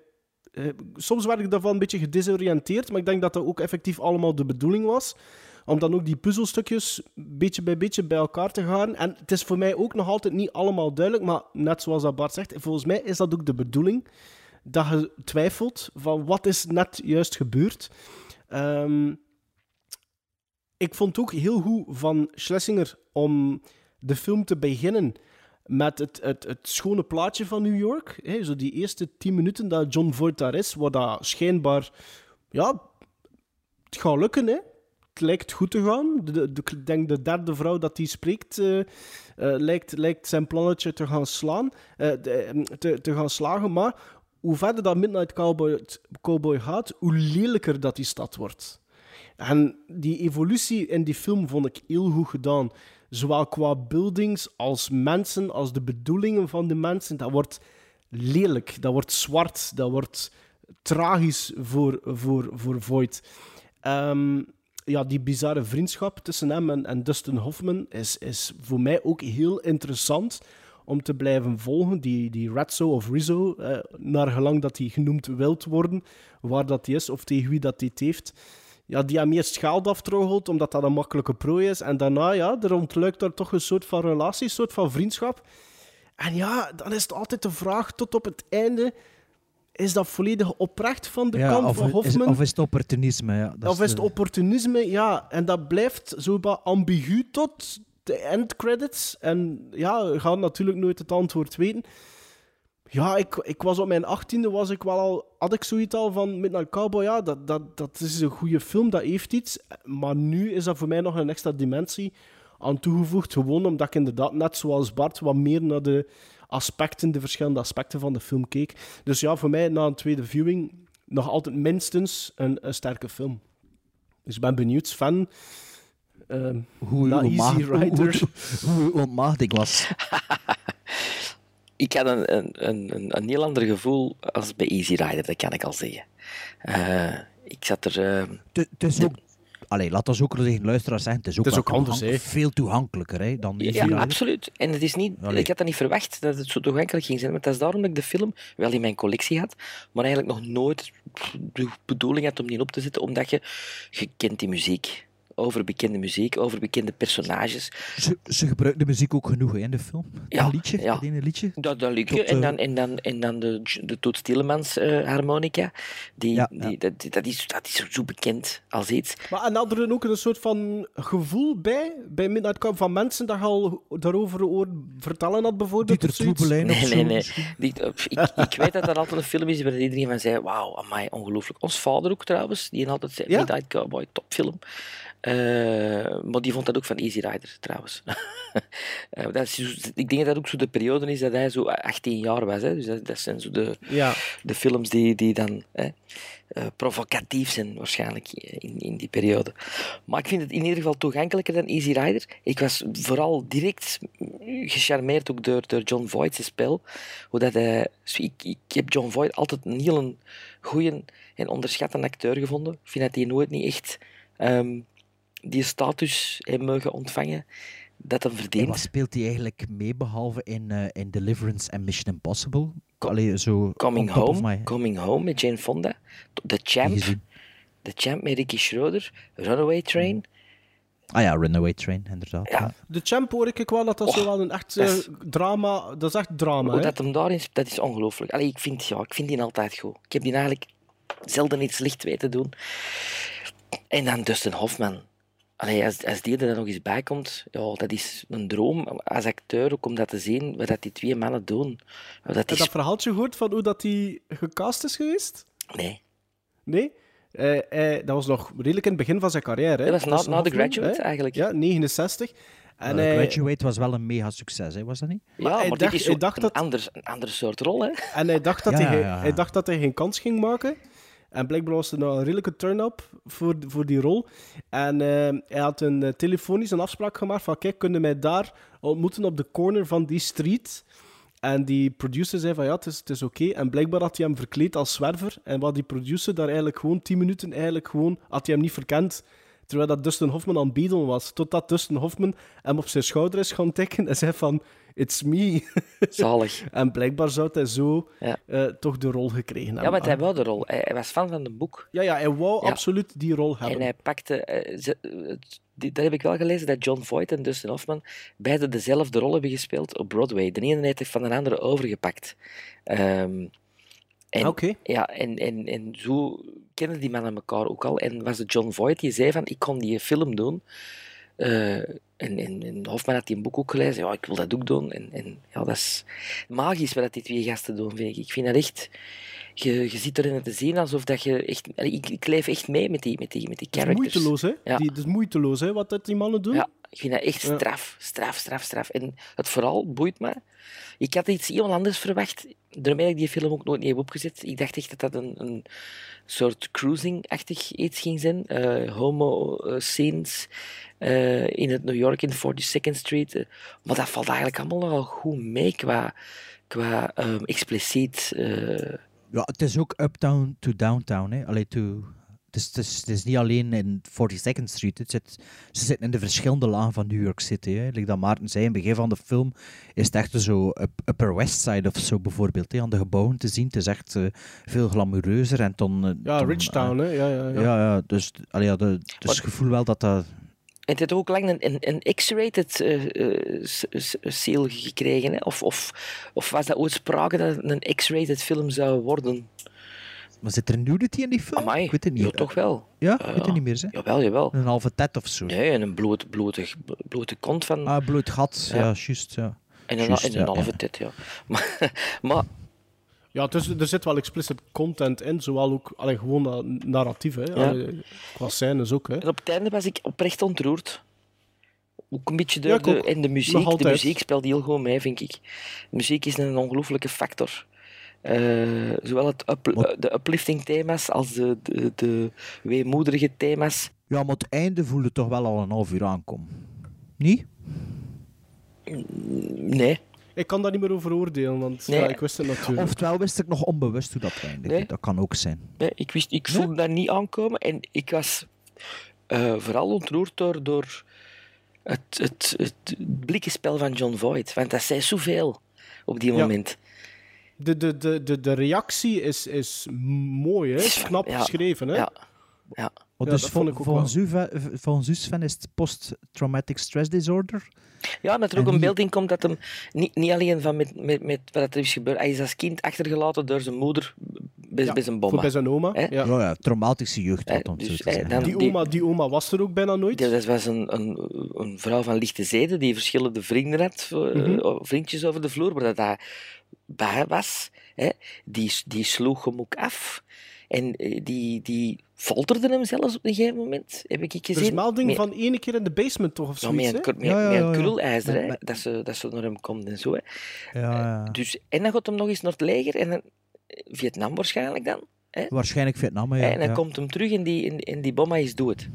Dus hij heeft er ook Mhm. geen afscheid van kunnen. Dus dat is Afscheid. Zegt, hij, Ja, zegt ja. hij dat ook niet? My grandma died without letting me know. Ja. Zegt hij dat ook? Ah ja, Ja, ja. omdat hij op waarschijnlijk Tour of Duty had. Ah, ja, tuurlijk, je ziet hem terugkomen. Hè, ja. Ja, ja. Dus dat is, Maar het is niet, dat is unresolved allemaal, hè? dat- Ja, maar was hij niet al zot, voor, allez, zot om het zo te zeggen, voordat hij naar Vietnam trok? Absoluut, maar dat, is, dat komt er allemaal maar bij. hè. Ah ja, door die traumatische... Ja, ja, ja oké. ja. Ik denk, dat de combinatie is, ik denk dat de combinatie is van de twee. Ik denk dat de combinatie is van de twee. Ik denk, ik denk dat PTSD is, maar, maar dat verhaallijntje, die flashbacks van die Alice, Ah, denk ik dat dat, dat, denk is? ik, dat denk ik dat dat... Dat was in het stadje De Griet, waar iedereen zot van was. Ja, Hè? Maar dat was dan ook nog eens een oer. eh, Een party Ja. crazy, crazy hè, dingen. Dus die, die, die zoop en die dronk en die ging met alle gasten slapen. Maar tegen Ja. hem heeft hij altijd gezegd, jij zit de enigste, jij zit de enigste. Terwijl het hem daarna een orgie zie, waar het hem op zat te zien, dat hij bij Ja, maar iedereen... ziet verschillende Maar- dingen, hè. Ja, voilà. Dat hij en hij zegt je van... ziet dingen dat hij- dat hij op verschillende manieren interpreteert ook. De ene keer is Ja, precies de- de- als ze verkracht ja, voilà. wordt, de andere keer is het een orgie. Het is zo... De flashbacks zijn niet consistent, hè? Nee. Maar dat is het verhaaltje dat ik er dan van maak. Zo. Dat hij er Ja. echt verliefd op was. En dat het dan bleek dat hij dan toch heel het stadje eigenlijk te doen had. Maar ik vind dat wel knap dat je doorheen, want, want die flashbacks stoppen ook op een gegeven moment in de runtime, dat dat wel iets is waar dat je blijft over nadenken. Dus dat is een extra layer, wat dat dan toch hoort natuurlijk bij die Joe Buck, Hm? waar dat je toch vragen bij blijft staan. Ik vind dat wel knap als je dat kunt doen, scenarioel. Ja, en, en, maar ik, en- ik denk anders dat dat personage ook niet, niet, niet eh, een feature length time zou Likeable kunnen of blijven zoiets, volgen. ja. Nee, dat dat, Ja. dat zoiets zijn. Ja, oké, maar wat, hoe, waar. Ja, maar je blijft hem altijd liken. Je blijft hem altijd dat liken. Dat op die manier doet, hè. En ook door het spel van John Voight. Ook, hè, hoe dat hem het speelt. Zo, zo ontwapenend, eh, zo naïef. Maar je weet van Een, waar een dat hondje komt als eigenlijk. kijker. Echt een hondje. Ja, ja, ja. ja, ja. Zo, zo. Ja, en ik, ik klamp hem ook vast aan, aan het personage van Hoffman hè, dan uiteindelijk. Terwijl dat... En dat is het net, hè, want doorheen de, de, de vriendschap, laten we maar zeggen, is er eigenlijk altijd maar één iemand die ervoor zorgt dat er iets van geld binnenkomt. Hè. Mhm. En dus dan is de vraag van, oké, eh, is het opportunisme? Of... Ik denk dat die mannen alle twee niet alleen willen zijn. Dat Ik denk dat dat zeker ook de een zal speelt. met, van, van, van Dustin Hoffman ook zo Het is weet hij van... complex, het is Ja. complex, maar, maar, ja, maar... Maar daarom vind ja. ik het veel interessanter dan Easy Rider. Persoonlijk. Eh het heeft me veel meer iets gedaan. Ja, het heeft veel, bo- veel meer body hè, dan Easy Rider. Easy Rider is meer een, ja, hoe zeg je dan, een, een slice of life. Of, of Ja. Dit is hier echt alleen eh, twee personages die een arc, door, allee, die een arc hebben. Hè, dus. Ik ben, ik, ben, ik, ben gewoon, ik ben gewoon blij dat ik wist dat, dat ik hem wou opnieuw bekijken. En, en ik, ik ben gewoon blij dat ik hem eigenlijk nog beter vond dan de eerste keer. Want dat kan natuurlijk soms anders uitdraaien. Hè. Ja. En hoeveel gizmos had het dan gegeven? Ah, voor mij zou Seal of Approval. Voor mij ook. No doubt Voor mij about is it. dat Voor mij is dat een een 8 op 10. Hè. Ja. En voor u ook, Sven? Ja. voor, mij, voor mij was dat al eh, lang, ehm, tot het laatste half uur, een 7, maar het is dat toch gezakt naar een 6,5. Ik snap... streng. Ja, ik, het eerste waar ik het probleem mee had, was, was de obligate eh trip, drugscène. Die duurde De- iets te de- lang. En dat was de ook zo... dandies- die wat denken, dandies onder. Easy Rider zat er ook zo'n Ja, scène. ja, ja. En in Seconds, eh, met Burt Lancaster, zat er ook zo'n scène. Zo een, Bij de- ja, die scène zie ik nog altijd voor mij bij de druiven. Ja, en ik, ik, ik denk zelfs dat Include er ook zo'n scène zat. Dus ik denk dat het een beetje, dat, een beetje Ja, ja, van die tijd is. Ja, maar, maar die scène... Maar die scène Die begint draagt goed, hè? ook, maar die draagt opnieuw bij. Zeide jij nu zo dom en naïef? Snap je? Ik vond dat wel wa- wat van de twee fantastisch, is nu? fantastisch dat hij een sigaret krijgt. Dat hij denkt dat hij een En sigaret en krijgt. dat dat nu wel doorspelen, ja, dat is toch dat is fantastisch. En dat is, Ja. ik kan me dat goed voorstellen dat je door in Deep South Texas in die tijd begot niet wist dat dat... Allee, Bestond? Ja, ik weet het niet. Het, is, het blijft intrigerend, dat personage. Voor te weten van wat is het nu allemaal juist. En dat is ook de, schoon dat dat is ook begin is van de echte aftakeling van de Dustin Hoffman. Hè, dat hij zo van die trap valt. En Trap dat, hij zo, ja. dat hij zo begint te zweten en zo Ja. allemaal. Dus dat, dat, vond ik, ja, dat vond ik ook wel. Maar ik snap wel dat je die vergelijking met Easy Rider eh, erin ziet in die scène. Het is ook niet zo moeilijk om te zien, denk ik dan. ja, en vooral met Seconds. Ja, maar dat was een andere context meer. Hè. Dat is Ja. een beetje echt wel... Allee, hier, hier, zo- zo- Hier is het een beetje de, de diner des cons. Hè. Die mensen nodigen, nodigen freaks uit eh, op een feestje om, om die te kunnen filmen. Dat is, hè? Ja, Dat is, hè? Ja, ja, maar dat is Andy Warhol, hè. Ja, absoluut. Dat is Warhol, hè? Ja. ah, dat ver was ik nog niet. Ja. Oké. Ah ja, hè, Sven. 1961.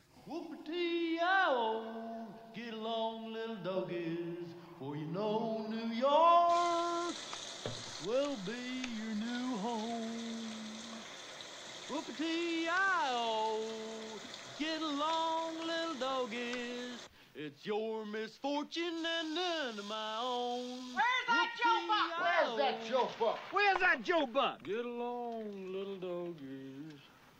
Where is that Joe Buck? Look at this crap! Yeah, where's that Joe Buck? Where's that Joe Buck? Where's that Joe Buck? You're due here at 4 o'clock. You know what you can do with them dishes. And if you ain't man enough to do it for yourself, I'd be happy to oblige. I really would.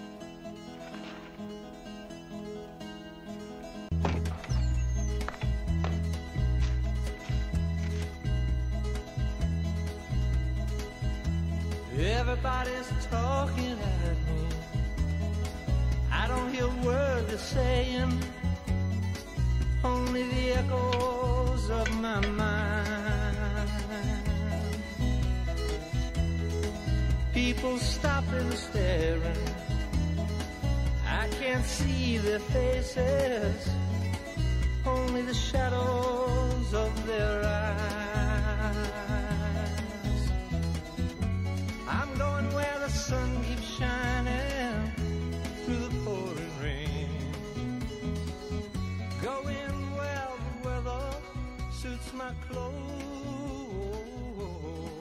1996 dan. John Schlesinger, een uur en 10 minuten.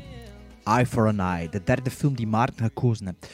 Met Sally Field, Kiefer Sutherland, Ed Harris en de drie hoofdst hoofdstrollen Dan hebben we ook nog Beverly D'Angelo, bekend als de Mm. moeder, de moeder of de dochter, de moeder hè, Ja, de- van de European Vacation. De vrouw van, Rust, van eh, Clark De Griswold. vrouw van Chevy Chase, hè? Ja. Ja, ja, van Chevy Chase, van de National Lampoon's Vacation Films.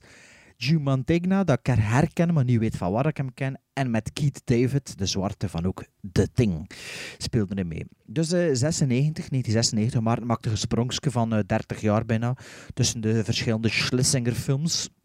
Geen Day of the Locust, geen Marathon Man als derde film. Heb je dat gezien, Sven, Marathon Man? Dat is ook wel Ook dikke, dikke, dikke is fan. Nee, Oh, dat ook is, eh, de, de scènes natuurlijk wel, hè, van is it safe en zo. Maar uiteindelijk nooit niet. Politieke paranoia-film van de 70s. Hè. Ehm, Met Roy Scheider ook. Schlesing, wat heeft Schlesinger in de 80s gedaan, weten we dat? Goh, ik, ik weet de reden voor, voor mij was gewoon, ik wou kijken naar iets ook wat dat hij bijna als laatste had gedaan. Gewoon voor Ja. te kijken waar dat die man geëindigd is ook in zijn, in zijn carrière. Ja, ja. Maar Eye for Eye, toen dat het zei de vorige keer, wist ik niet zeker of dat ik die gezien had. Toen zag ik de, de kaft van de VHS, of van de poster van de film. En daar kende ik de film direct. En ik zag, ja, goh, ik dacht gezien of niet, ik weet het niet, ik weet het niet. En de film, ah, nee, ik moet dat niet zeggen, hè. ik moet de synopsis geven, zeker. De synopsis geven. Ja, ja, ik aan het vertellen. Oei, sorry, sorry. ik heb dat ook niet genoteerd. Ah ja, nee, ik moet dat gaan weer vertellen. Nee, dus Eye for an Eye, waarover gaat het? Het gaat over ehm, een moeder die een soort ehm, Charles Bronson-rol op zich neemt als eh, vigilante in Death Wish, omdat er iets gebeurd is met eh, haar oudste dochter. En waarbij dat, eh, de dader, dat is geen spoiler, je ziet dat direct, Kiefer Sutherland is, die dan, eh, ja, misschien, eh, goh, meer moet ik niet zeggen, hè. Moet ik het nog meer zeggen erover? Nee, eigenlijk niet. Eigenlijk niet. Eigenlijk Dat is het, hè. Oké, Ik had ook en ik, zo- ik, ik, wou al aan het vertellen over de kaft en allemaal, Ja. hè, maar, maar dat zal ik dan straks vertellen. hè. Vertel het straks. Want ik had Ja, ja. na de eerste 10 minuten zoiets van: Goh, ik heb die film ooit gezien. Dus ik dacht dat ik die film nooit niet gezien had. Maar na die eerste 10 minuten, en zeker na. Want wat dat er gebeurt met die dochter, dat zit in die eerste 10 minuten. En dan dacht ik zoiets van: Ja, ik moet die film ooit gezien hebben. Toch zeker stukken. Maar het frappante was dat doorheen de resterende 90 minuten dacht ik: Godverdomme, ik heb eigenlijk goesting om nog een keer A Time to Kill te zien. En dat is een film die ook gereleased is in 96 met Matthew McConaughey. En absoluut de betere film van de twee is. eh, want Is en dat je een kunt- John Grisman novel? Joel, Ja. Schuma- is Joel Schumacher geregisseerd? John Grisham. Een John Grisham film, ja. Ehm, want die film A Time to Kill heeft eigenlijk een gelijkaardig narratief. Eh, je kunt dat toch wel zeggen. Ik weet het En- niet meer. Ik weet het niet meer. ja en, en een even grote bad boy Kiefer Sutherland. Dus eh, zo lopen ze gelijk. Wat aan mij vooral stoorde aan An Eye for an Eye, want ik kan nu al zeggen dat dat niet echt de meest positieve filmervaring is geweest voor mij, is dat die over de ganse runtime eigenlijk qua invulling van personages, van toon en van emoties voor mij vreemd aanvoelde. Ik snapte die toon niet. Ik snapte... Allee, ik begrijp al de complexiteit emotioneel van zo'n voorval, van zo'n voorval, maar ik vond dat die Sally Field dat echt niet goed vertolkte. Ehm, Ed Harris, wat dat haar man is in die film, en die trouwens voor een gigantisch groot stuk tijdens de film gewoon verdwijnt, die heeft een paar scènes dan die ik sterker vond dan het overgrote deel wat ik Sally Field zie doen in An Eye for an Eye. Ehm, ja, Kiefer Sutherland speelt de smeerlap van dienst. Een beetje jammer dat het scenario, eh, zoals dat Bart zegt, geen enkele moeite doet om daar wat twijfel rond te zaaien. Maar die ja, smeerlap, smeerlapke Sutherland hebben we halverwege de jaren 80 tot bijna 2000 of zoiets ook wel vaker gezien. En ja, scenarioel kan je dat personage nu ook wel niet echt well-rounded eh, noemen.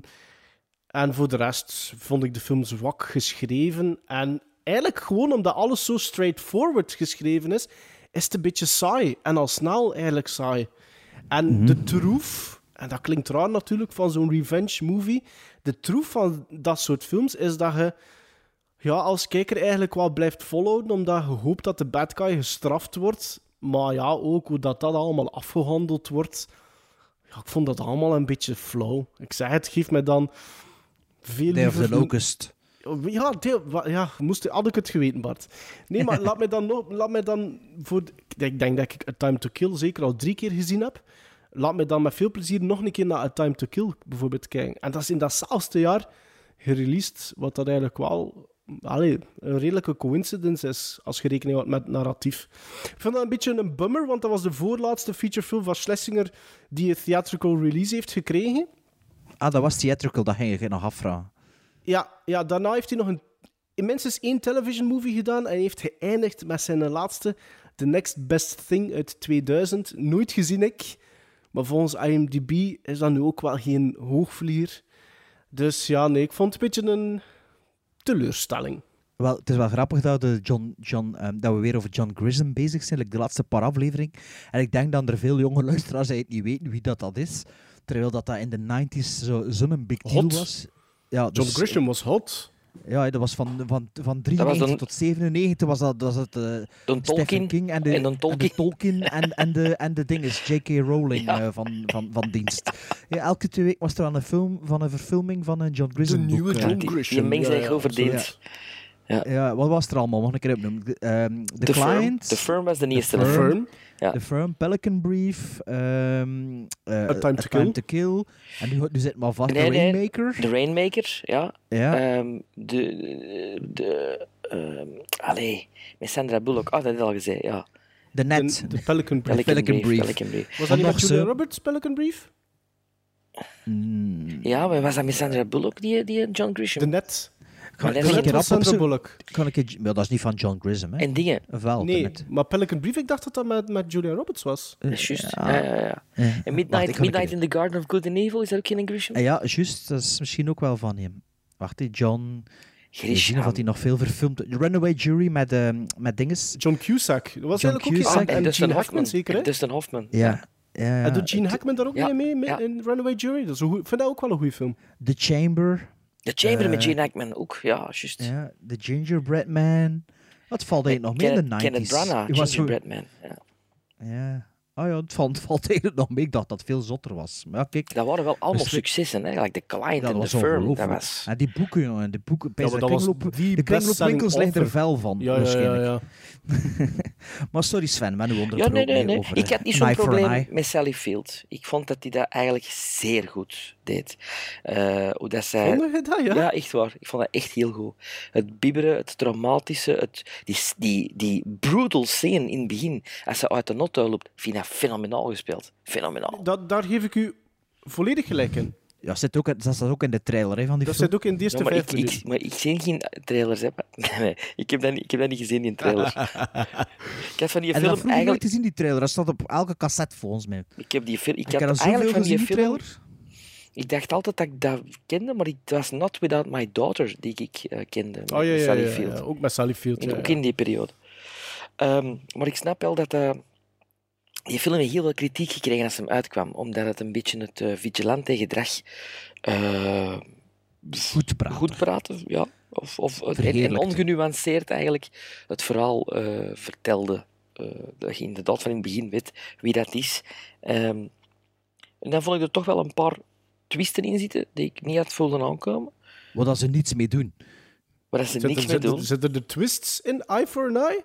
Er zitten Ja. dingen in waar dat ze, dat ze wel veel een interessantere er, film mee er- kosten ja, maken. er, er zitten opzetten in waar dat er niks mee gedaan Ja, wordt. voilà, Ja, ja, dat is zeker. Maar het is een echt een exploitation film, hè. Een beetje, eh beetje like Death Maar niet Wish. zo bedoeld. Een, Maar niet zo een, bedoeld. 90s, een 90s B-thriller, hè. Maar als je dan over dat thema een veel een betere film wilt zien, waar dat er wel wat gelijkenissen in zitten, Dead Wish. nee, het vonnis van Jan Vrijen is eigenlijk een goede versie van Eye for an Eye. Omdat hij erin meespeelt. Ik heb daar een zeer In klein... het Frans. Zeer klein, Omdat inderdaad. hij erin meespeelt. Nee, dat is echt waar een hele goede film. Heb jij A Time to Kill gezien, eh, Sven? Eh, ik verwar die altijd met Ghost of Mississippi, denk ik. Nee, dan, die is het niet. Ja, maar ik verwar dat daarmee. Ja, dat weet hij, hè. Dat er niet is. Dat zegt hij juist. Ja, maar nee, maar, maar heb je A Time to Kill gezien? Ik- Ik denk dat wel, maar dat is mij niet bijgebleven. Ja, oké. Ja, ik zal ik dan maar een beetje over eh, Eye for an Eye babbelen. eh, Sven, of zit het uitverteld? Ik heb het Is verteld. het nog niet uitverteld? Nee, jawel. Het valt, het valt- het valt niet echt veel over te vertellen, natuurlijk. Hè. Maar dus, eh, wat ik aan het zeggen was, ik dacht dat ik die film wel ooit gezien had. En ehm, ja, de eerste, eerste seconde van die film wist ik, ah ja, ik heb die film gezien en ik wist ook bijna weer waarover dat allemaal ging. Wat dat nu nooit meer gebeurt bij mij. Nu weet ik al eh, niet meer wat er een film vorige week gebeurde. Maar die film, ja, misschien heb ik hem meer dan één keer gezien, oftewel had hij me destijds diep geraakt. Het kon me al sinds niet meer herinneren dat ik die film ooit gezien heb, maar ik zag het toch direct dat ik hem al gezien heb. Toen dat ik begon te kijken. Een paar bekende shots inderdaad in de file als ze aan de telefoon is met die ballonnen. Dat, eh, dat staat dus inderdaad in de trailer, zoals ik zelf zei. Ehm, maar ja, inderdaad, Sally Fields en de algemene eh, acteursregie van die film. Oké, ja, Kiefer Sutherland is enorm badass en creepy, maar dat is nu niet super origineel of super eh, groundbreaking in de mid-90s dat hij dat is. En die scène ehm, als eh, Sally Fields... ehm, Field. Die, Field. Sally Field, sorry. Dat ze, dat ze die Spaanse vrouw gaan waarschuwen, dat was abnormaal slecht, die scène. Ja, van dat spel, vond ik nu ook van, Van die, heel van die. Spaanse vrouw, ja, maar van Sally Ja, Field van niet. Nee. En van die vent ook, die er bij die komt. binnenkomt, hoe dat, dat geschreven is, hoe dat dat... Dat was stenenkrommend. Ja, maar, Dat was ongelooflijk. Dat, hoe, hoe dat, dat... Ja, ook hoe dat, dat gespeeld is en geschreven is. En hoe, de, hoe... Je zit eigenlijk met een film die zo rooted in reality is. En die scène dat slomt nergens op. Dat is zo van... Hoe, wat is dat hier? eh? Je wordt er zelfs, zelfs kwaad van, omdat, de, omdat door de afhandeling dan uiteindelijk, hè, dan heb je zoiets van, zo slecht geschreven. Allee, Ja, ja, Ja. ik, ik Maar geef dus, je ja, het, is niet, het- het is niet meer dan een doorsnee, er blijkbaar niet straight to, to video, ehm, ja, B, B90's. Maar er stond niet bij TV-movie, dus volgens mij heeft dat in de States sowieso al een hè? gekregen. Hier ook. Ja? Ja, ja, ja, Ja? ja, ja, ja. ja, Ik zal een keer kijken in de films en televisie die er mij gegeven Ja. Want daar stonden we dingen wel in, hè? Amai. Treasure of the Three Crowns, is stond erin ik heb al. Spartax heb gegeven. Zeg, maar John Slishing, ik heb even opgezocht en hij heeft wel nog een paar goede thrillers gemaakt. hè. En dat was ik al vergeten. Namelijk The, The Believers met Martin Sheen. Ja, die heb ik Ah, hier ja, in mijn bekende collectie ook. poster. Ja. is toch wel... Ja. Pacific Heights met Michael Keaton en Melanie Griffith en eh, eh, Matthew Modine. The Believers, moet ik wel zeggen, dat was bijna eh, de derde film Ah, dat vind ik een goeie, hè. geweest. The Falcon and the Snowman met Sean Penn en Timothy Hutton. Topfilm. Nee, niet gezien. Dus die mens, die heeft wel goede films. The Innocent, met Anthony Hopkins en Isabella Mhm, Rossellini. mhm, mhm. Ja, om dan te eindigen met Eye for an Eye. Dat is toch een beetje, denk ik, wel zo een die hem dan heeft gedaan voor het geld. Of een, Ja, of voor zijn pensioen, Ja. of voor zijn verzekering. maar of, eh, dat je denkt van die andere films, kan ik me herinneren, zijn ook allemaal wat acteursfilms. Want Michael Keaton in Pacific Heights is ook zeer goed. Hè, Midnight Cowboy, goed. Die, die een eh, Kind of Loving, goed, van acteurs. En Marathon Man. dat niet gezien, maar dat zal dan wel. Maar ik vond dat met Sally Field ook niet zo slecht. Maar nee, Sven, ik kon dat, vond dat echt niet goed gedaan. Ik vond dat echt niet goed vertolkt. Ges... Dat is maar ja, geen het was ook niet goed geschreven. Nee, Ja. niet goed is geschreven, oké, dat kan misschien, maar ik vond dat... Ik vond ook dat die toon, die toon zat niet juist in die film. Nee. Wat ik een heel slechte scène vond, is dat ze door die karate-trap door in de, in de garage en dan met een, met een glimlach wegloopt. Dat vond ik Ja, wel... ja. What? Ja, en Ja. die scène, en die scène bij die, bij die Spaanstalige, allee, bij die Ja, maar dat lag, aan- dat lag was- aan die, aan die twee andere acteurs. Nee, nee, ja, dat lag het het mauveur, hè. Zeg dat je zo twee pipa zit. Je komt, allez, je komt aan als acteur, je zit in de schmink. Ah ja, dat zijn de mensen waar je die scènes mee moet spelen. Ah, goeiedag, dag. Je komt op die set en je hoort die, je hoort die in een mond begonnen en die spelen verschrikkelijk. Ja, dat stond er maar hè, als acteur. Hè. Ja, maar ze speelde op dat moment ook heel slecht. Ja, hoe komt dat? het Je is bent maar zo slecht als een geschreven. tegenspeler.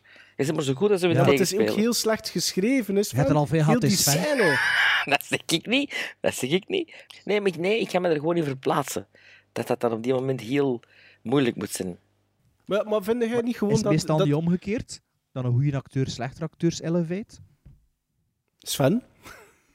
Kan ook andersom zijn, ze.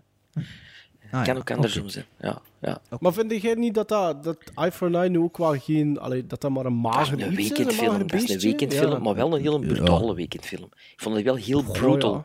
Sorry, Ik vond... Ik vond jawel, Die die, twee die scènes? eerste- ja, ja, absoluut. Ja, die maar Sven kunt ja, er niet tegen, dat weet nee, hij. ik kan daar echt niet tegen. Nee, ik vind dat echt, en ik vind dat echt zeer ehm, explicit exploitation-achtig in beeld gebracht. Maar dat is, ik zeg het, hè, dat is juist wat dat... De, allee, dat zo, ik zeg het, dat is raar van het zijn, dat is de troef van die films. Als je zo'n...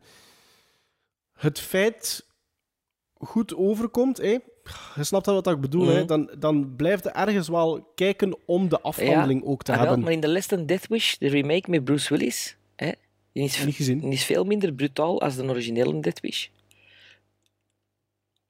Anno 2019 dan. En dat is niet zo slecht. Vind dat, misschien is dat mee ouder te worden, maar ik vind het dan ook niet zo erg dat dat niet zo expliciet is. Het zal dat zijn. Gizmos? 4,5. Hmm. Net vijf. Ja, ik ook vijf. Ja, vijf. Maarten, we komen over hier vandaag.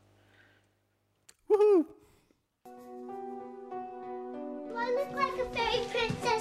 Oh, yes, you do. You look just like a fairy princess. An average family. great. Thank you. A special day. Hello? Uh, listen, I hate to tell you this, I'm gonna be late.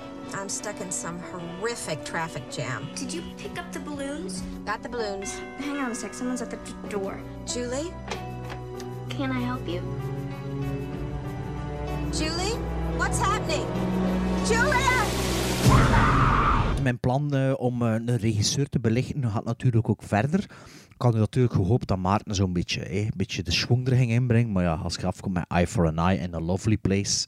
Of Hey, hey, A Place, a for Loving. Of een, Hey, hoe A Kind of film? Loving. Twee van de drie hosts zijn onboard met de films van John Schlesinger. Ja, ja, nu mogen al die luisteraars ook een keer naar die film gaan zien. Met En heel veel plezier en een- gaarmte. Ja, en een mening geven. Maar ik ben nu wel benieuwd welke drie films Sven, of welke regisseur, en welke drie films van die regisseur Sven de Ridder zal geven aan ons. We weten al dat het een John is. En volgens mij is het niet John Badham. Wacht, die nog niet verklappen. Ma- Maarten en ik Ja, gaan maar een keer ik- wat John ik- Steen ik- al- Ja, maar ik- maar heb- wat- ik heb- maar ik heb een heb introductie. Ik heb na de vorige opname eigenlijk al een hokje gewaagd en Sven wou niet zeggen of dat dat was. Dus ik ben benieuwd. Ah, maar ja, ah, dus we mogen niet go Jawel, gokken gokt. voordat u een intro Tuurlijk wel, gokt. Maar begin maar. Wie ik had dacht John gegokt? Ford. John Houston. Maar nu moet hij weer een John zeggen. Hij- John Hughes bedoelde hij dan. Nee, John Houston. John Houston. John Ah, ik bedoel Ja? dat John Hughes. Oké, John Frankenheimer. Oeh. Oh, dat was de goeie. En dan... eh, John, welke Johns zijn er nog? Ja, veel. Ja, ja, waarschijnlijk wel, maar... Zo ontglipt het mij even. Misschien als... Ik zou, ik zou, ik zou beginnen met uw, uw parley. Oké. Ja, ja.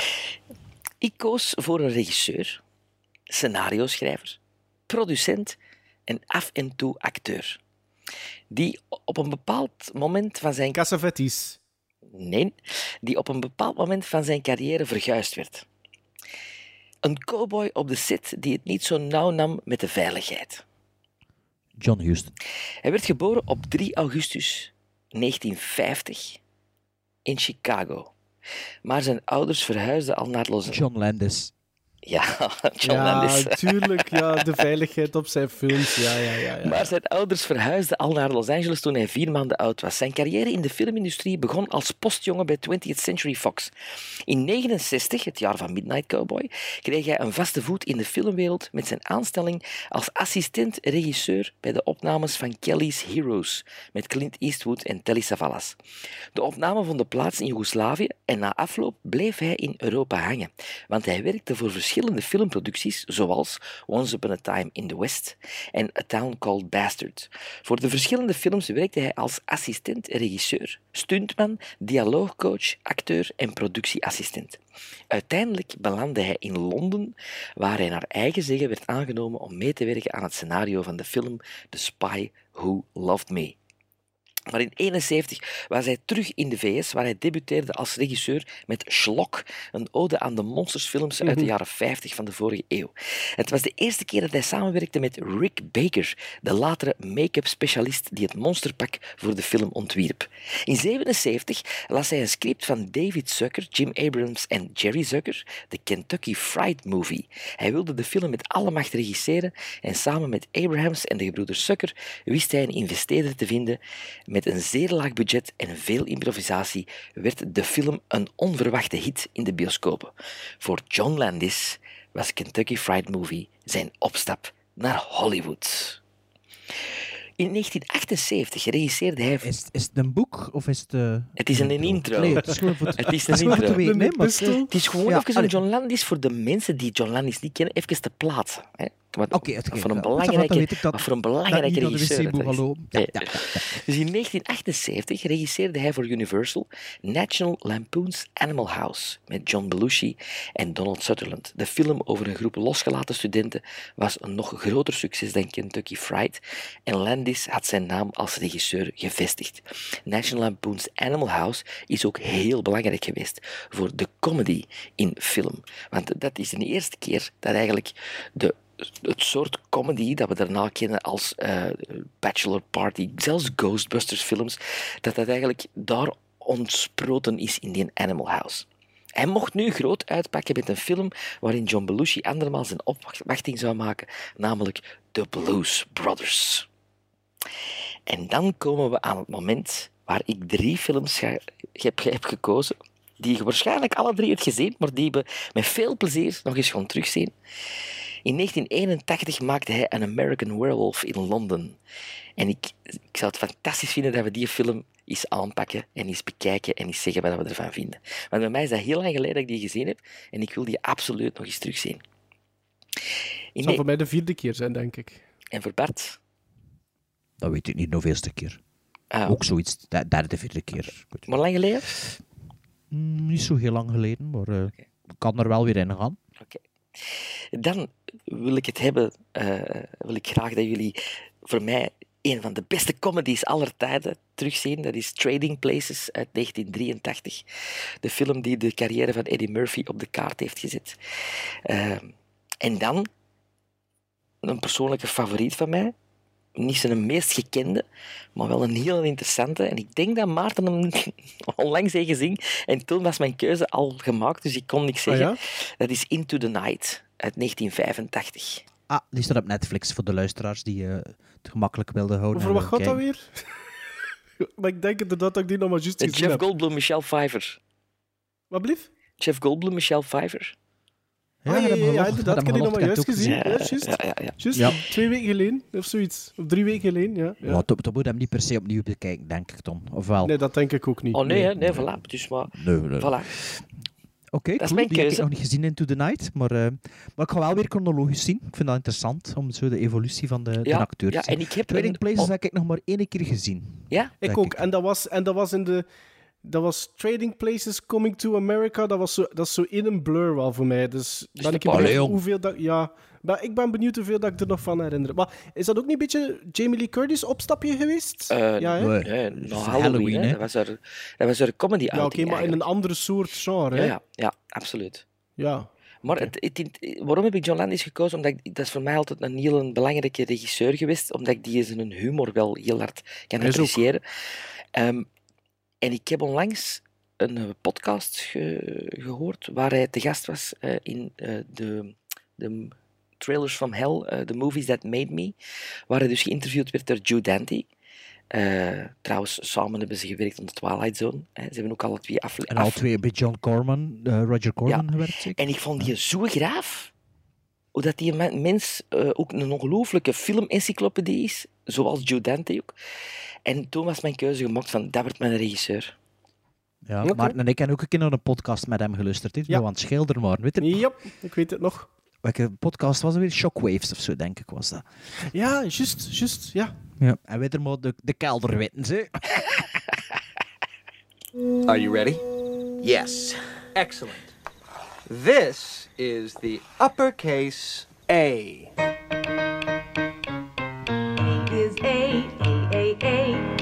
E, Icky, O, Ooh, Ooh, Ooh, Icky, A, E, I, O, Ooh, Icky, I, O, Ooh. A, B, C, D, E, F, G, H, I, J, K, L, M, N, O, P, Q, R, S, T, U, V, W, X, Y, Z. Huh? That's all you have to do.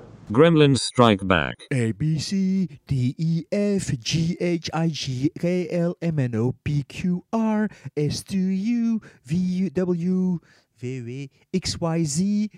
Of hoe gaat dat liedje van die onnozele strontfilm Forbidden... Zo. Die- ik ging zeggen Pareltje, Forbidden- Bart. voor, ik ging zeggen Forbidden Planet, maar dat was niet. Die heb ik wel vorige week voor de eerste keer gezien. Forbidden Zone? Oh, dat is die film van eh, Oingo Boingo. Ja, topfilms. Ja, ik nog altijd Ja, niet gezien ik dus heb. wel bekeken. Nee, Ah, nee, nee. Moet hem tijdens de volgende Ah. Arrow... Moet hem tijdens de volgende... De Summer Sale van Arrow moet hem bestellen. Ja. Ja, echt een topfilm, hè, man. Echt, moet een collectie hebben. Beter nog dan Time Bandits. Ehm, maar Forbidden Planet, heb je, heb dat gezien? Nee, met Leslie Ik heb dat Nielsen. lang geleden gezien. Met Leslie Nielsen, nee, ja. Slecht, joh. Maar wel tof van eh, VFX, dat vond ik, Ik wel. vond dat niet slecht. Oh, jongens, zo saai. Echt saai. Nee. Maar, maar het gaat nu niet over Leslie Nielsen en het gaat ook niet over Forbidden Planet of Forbidden Maar het Zone. gaat niet over de nee. F. Nee, het gaat niet over de F, het gaat over die letter G in de movie-alfabet. Een segmentje dat ik in maart een keer op poot laten zetten heb, ik dacht, ja, die jong mag ook een keer iets uitvinden voor onze podcast. En daarbij gaan we eigenlijk ehm, alfabetisch door onze filmcollectie en eh, bespreken we of eh, belichten we ene film individueel dat we in onze collectie hebben onder de bepaalde letter van het alfabet. Vandaag is dat de letter G, de G naar beneden voor de West-Vlamingen onder ons, niet de G naar boven.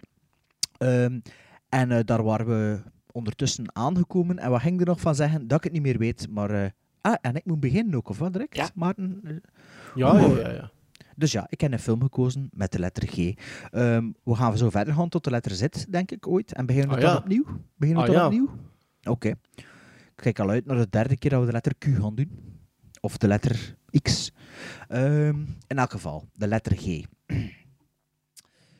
Voor mij, de letter G, eh, had ik in tegenstelling tot de letter F toch wel redelijk wat in mijn collectie, dus dat viel al goed mee. Eh, en ik heb eh, een film van 1999 eh, eruit gekozen. Ah, ik weet weer wat ik ging zeggen voor de luisteraars. Het moet een film zijn dat we fysiek in ons bezit hebben. Ja. Het is niet iets van Netflix of het is niet iets Nee. van de tv opgepakt of zo. Nee, het is een film van 1999 van eh, een uur en 56 minuten, net geen twee uur.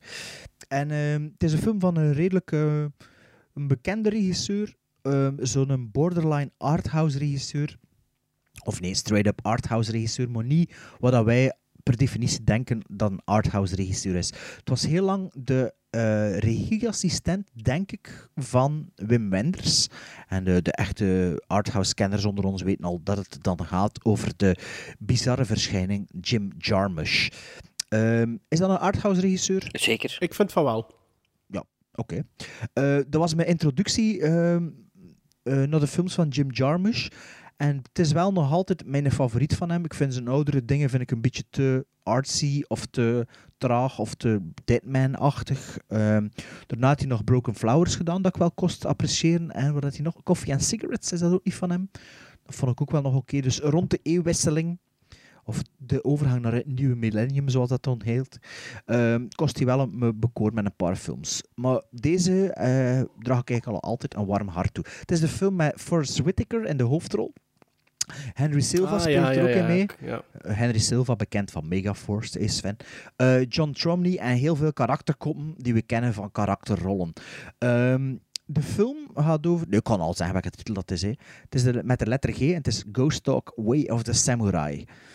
Uh, Maarten, heb je dat gezien? Ja, ik heb die ooit een keer op, ehm, op Canvas gezien. Ja. Toen en dat Sven, jij nog geen moeite gedaan voor dat te zien waarschijnlijk. Ehm dit is eigenlijk een film dat ik eh, misschien wel kende eerst van de soundtrack. Dat is de soundtrack van RZA, van de Wu-Tang Clan. Ja. Ehm, eigenlijk een van mijn favoriete Wu-Tang Clan solo dingen. Dat is misschien redelijk controversieel. Een hele laid-back hip-hop, bijna zelfs trip-hop zo. ehm, met, met, met sound cues eh, van de film ertussen, quotes van Forrest Whitaker. Waar had het dus eigenlijk over? Het is eigenlijk een, een, een, een zwarte Amerikaan die een soort hitman is voor, eh, voor de Italiaanse maffia in Italië, maar op een ge- eh, nee, nee, Italiaanse maffia in Amerika, maar op een gegeven moment wordt hij dus zelf het doelwit van, eh, van de maffia. Ehm, de film, ik denk een beetje eigenlijk wat hij nu gaat gedaan hebben met, ehm, hoe heet die zombiefilm? They Live. Ja, die nu Live. kan geopend heeft, hè? Die kan geopend. Ik denk dat hij een beetje hetzelfde gedaan heeft met, ehm ja, met, met, met ehm maffiafilms of met eh, hitmanfilms. Dus het is ja, een hele abstracte manier van vertellen, maar wel redelijk rechtlijnig van verhaal, maar echt wel veel humor. Maar dus eh Forrest Whitaker zweert bij de, de code van de samurai. Ehm, ik denk dat ze hem ooit dat er iemand van die maffiaclan hem ooit gered heeft of zoiets. En dat hij sindsdien voor altijd in, eh, in het krijt staat bij die mens. Ehm ik communiceert met de maffia via, via ehm, postduif en zo. Dus het is een hele bizarre sfeer. En het heeft een hele, ehm, hoe moet ik zeggen, steriele look en feel. Is, het is- het is vooral zo zomers in de stad, een beetje warm, maar het ziet er zo niet. Het ziet er zo allemaal wat ochtendgloren uit. Snap je wat ik wil zeggen? Dat het Mhm. zo wat cool aanvoelt allemaal. Ja. Maar ehm, ja, ik moet zeggen, die film, elke keer dat ik die opnieuw zie, weet hij me wel weer te verrassen. Ook door de af en toe de humoristische momenten. En, eh, wat ik me vooral herinner is Henry Silva, die Public Enemy aan het meerappen is. Dat als hij onder de douche staat en zo allemaal van die kleine kwinkslagsken. Wat ik wel ook nog ging zeggen, is dat ik de film ook heel lang, toen ik hem een paar keer herbekeken weer heb, was dat die film en Brother van Kitana, Kitano, die eh, regisseur van Zatoichi en zo. Maar ja, Sven, Ja. dat zegt al zeker niks. Dat die twee films een beetje, een beetje in elkaar overgegaan zijn. Maar dus eh, Ghost Dog Way of the Samurai, check it out. eh succes. Maar als ik me niet vergis, is dat, is dat toch een film die, die niet goed gescoord heeft, hè? Volgens mij heeft hij... Ehm, Maar dat is toch ja. niet met, met, met Jet Li, hè? Nee, nee, nee, nee. Nee. Maar je ook zoiets met een, met een dog. Zo Een hitman die de... Nee, nee, nee, Alpha- dat is Danny the Dog. Danny the Dog. Danny the Dog, ja. Maar dat is. Dat is een goede Bob ook- Hoskins. Eh, Ah, Oké. Danny the Dog, a.k.a. Unleashed. Maar dat is ook met Een Forrest Whitaker. Nee, is dat dat Forrest. Whitaker? Dat weet ik niet. Ik verwar die twee films niet. altijd. Je verwaart Forrest Whitaker en Jet Li altijd. Fantastische choreografie, eh, fight scene in Danny Ja, the Dog. ja, en die ja, kleine ja. badkamer en dat, die bathroom stall. Dat is weer galoos. Maar, Ja, maar Ghost juist. Samurai, volgens mij, is dat, heeft dat gebomd. Was dat echt niet goed onthaald. Maar Maar, ja, heeft dat Jim- zo wat... Jim Jarmusch nadien- is ja, dat- voilà. Ik denk ook dat dat een beetje misleidend was door de titel en zo. Ja. en, die, in die tijd dan ook. Ehm, maar Maar dat ik denk dat ik film- weet dat dat wel een, zijn publiek, absoluut zijn publiek gevonden heeft. En dat de, dat de reviews en de ratings dan ook eh navenant waren in de loop der jaren zelfs eigenlijk. Ja. Ja, het, het is voor mij de favoriete Jarmusch-film, maar ik ben ook niet de grootste Jarmusch-fan. Maar de, Ik ook deze is zo wel een beetje hoe dat ik hem leren kennen. Dus eh vind ik een coole film. Sven, heb jij ook een film onder letter G? Ja, en eh, ik had eh, niet zoveel films onder de letter G eigenlijk. En degene, nee? En degene die ik dan heb, zijn eigenlijk allemaal films die, die heel gekend zijn. Zo. Goodfellas, Ghostbusters 2. Ghostbusters. Eh, dus ik denk, ik moet iets pakken dat misschien een klein beetje in de vergetelheid is geraakt, maar waar ik toch een, een, een, een affiniteit eh, mee heb. Ik heb een film gekozen uit 89. Een film die, als ik die de eerste keer in de cinema zag, ik was toen 15 jaar, was ik enorm eh, gepakt door heel het verhaal. Ontroerd door de prachtige muziek van James Horner. eh omvergeblazen door de ongelooflijke cinematografie van Freddie Francis. Maar ook het thema. Het thema... eh, het is een geschiedkundige film, waar gebeurt. En je weet, ik zie dat jij, Bert, als het over Amerikaanse geschiedenis gaat.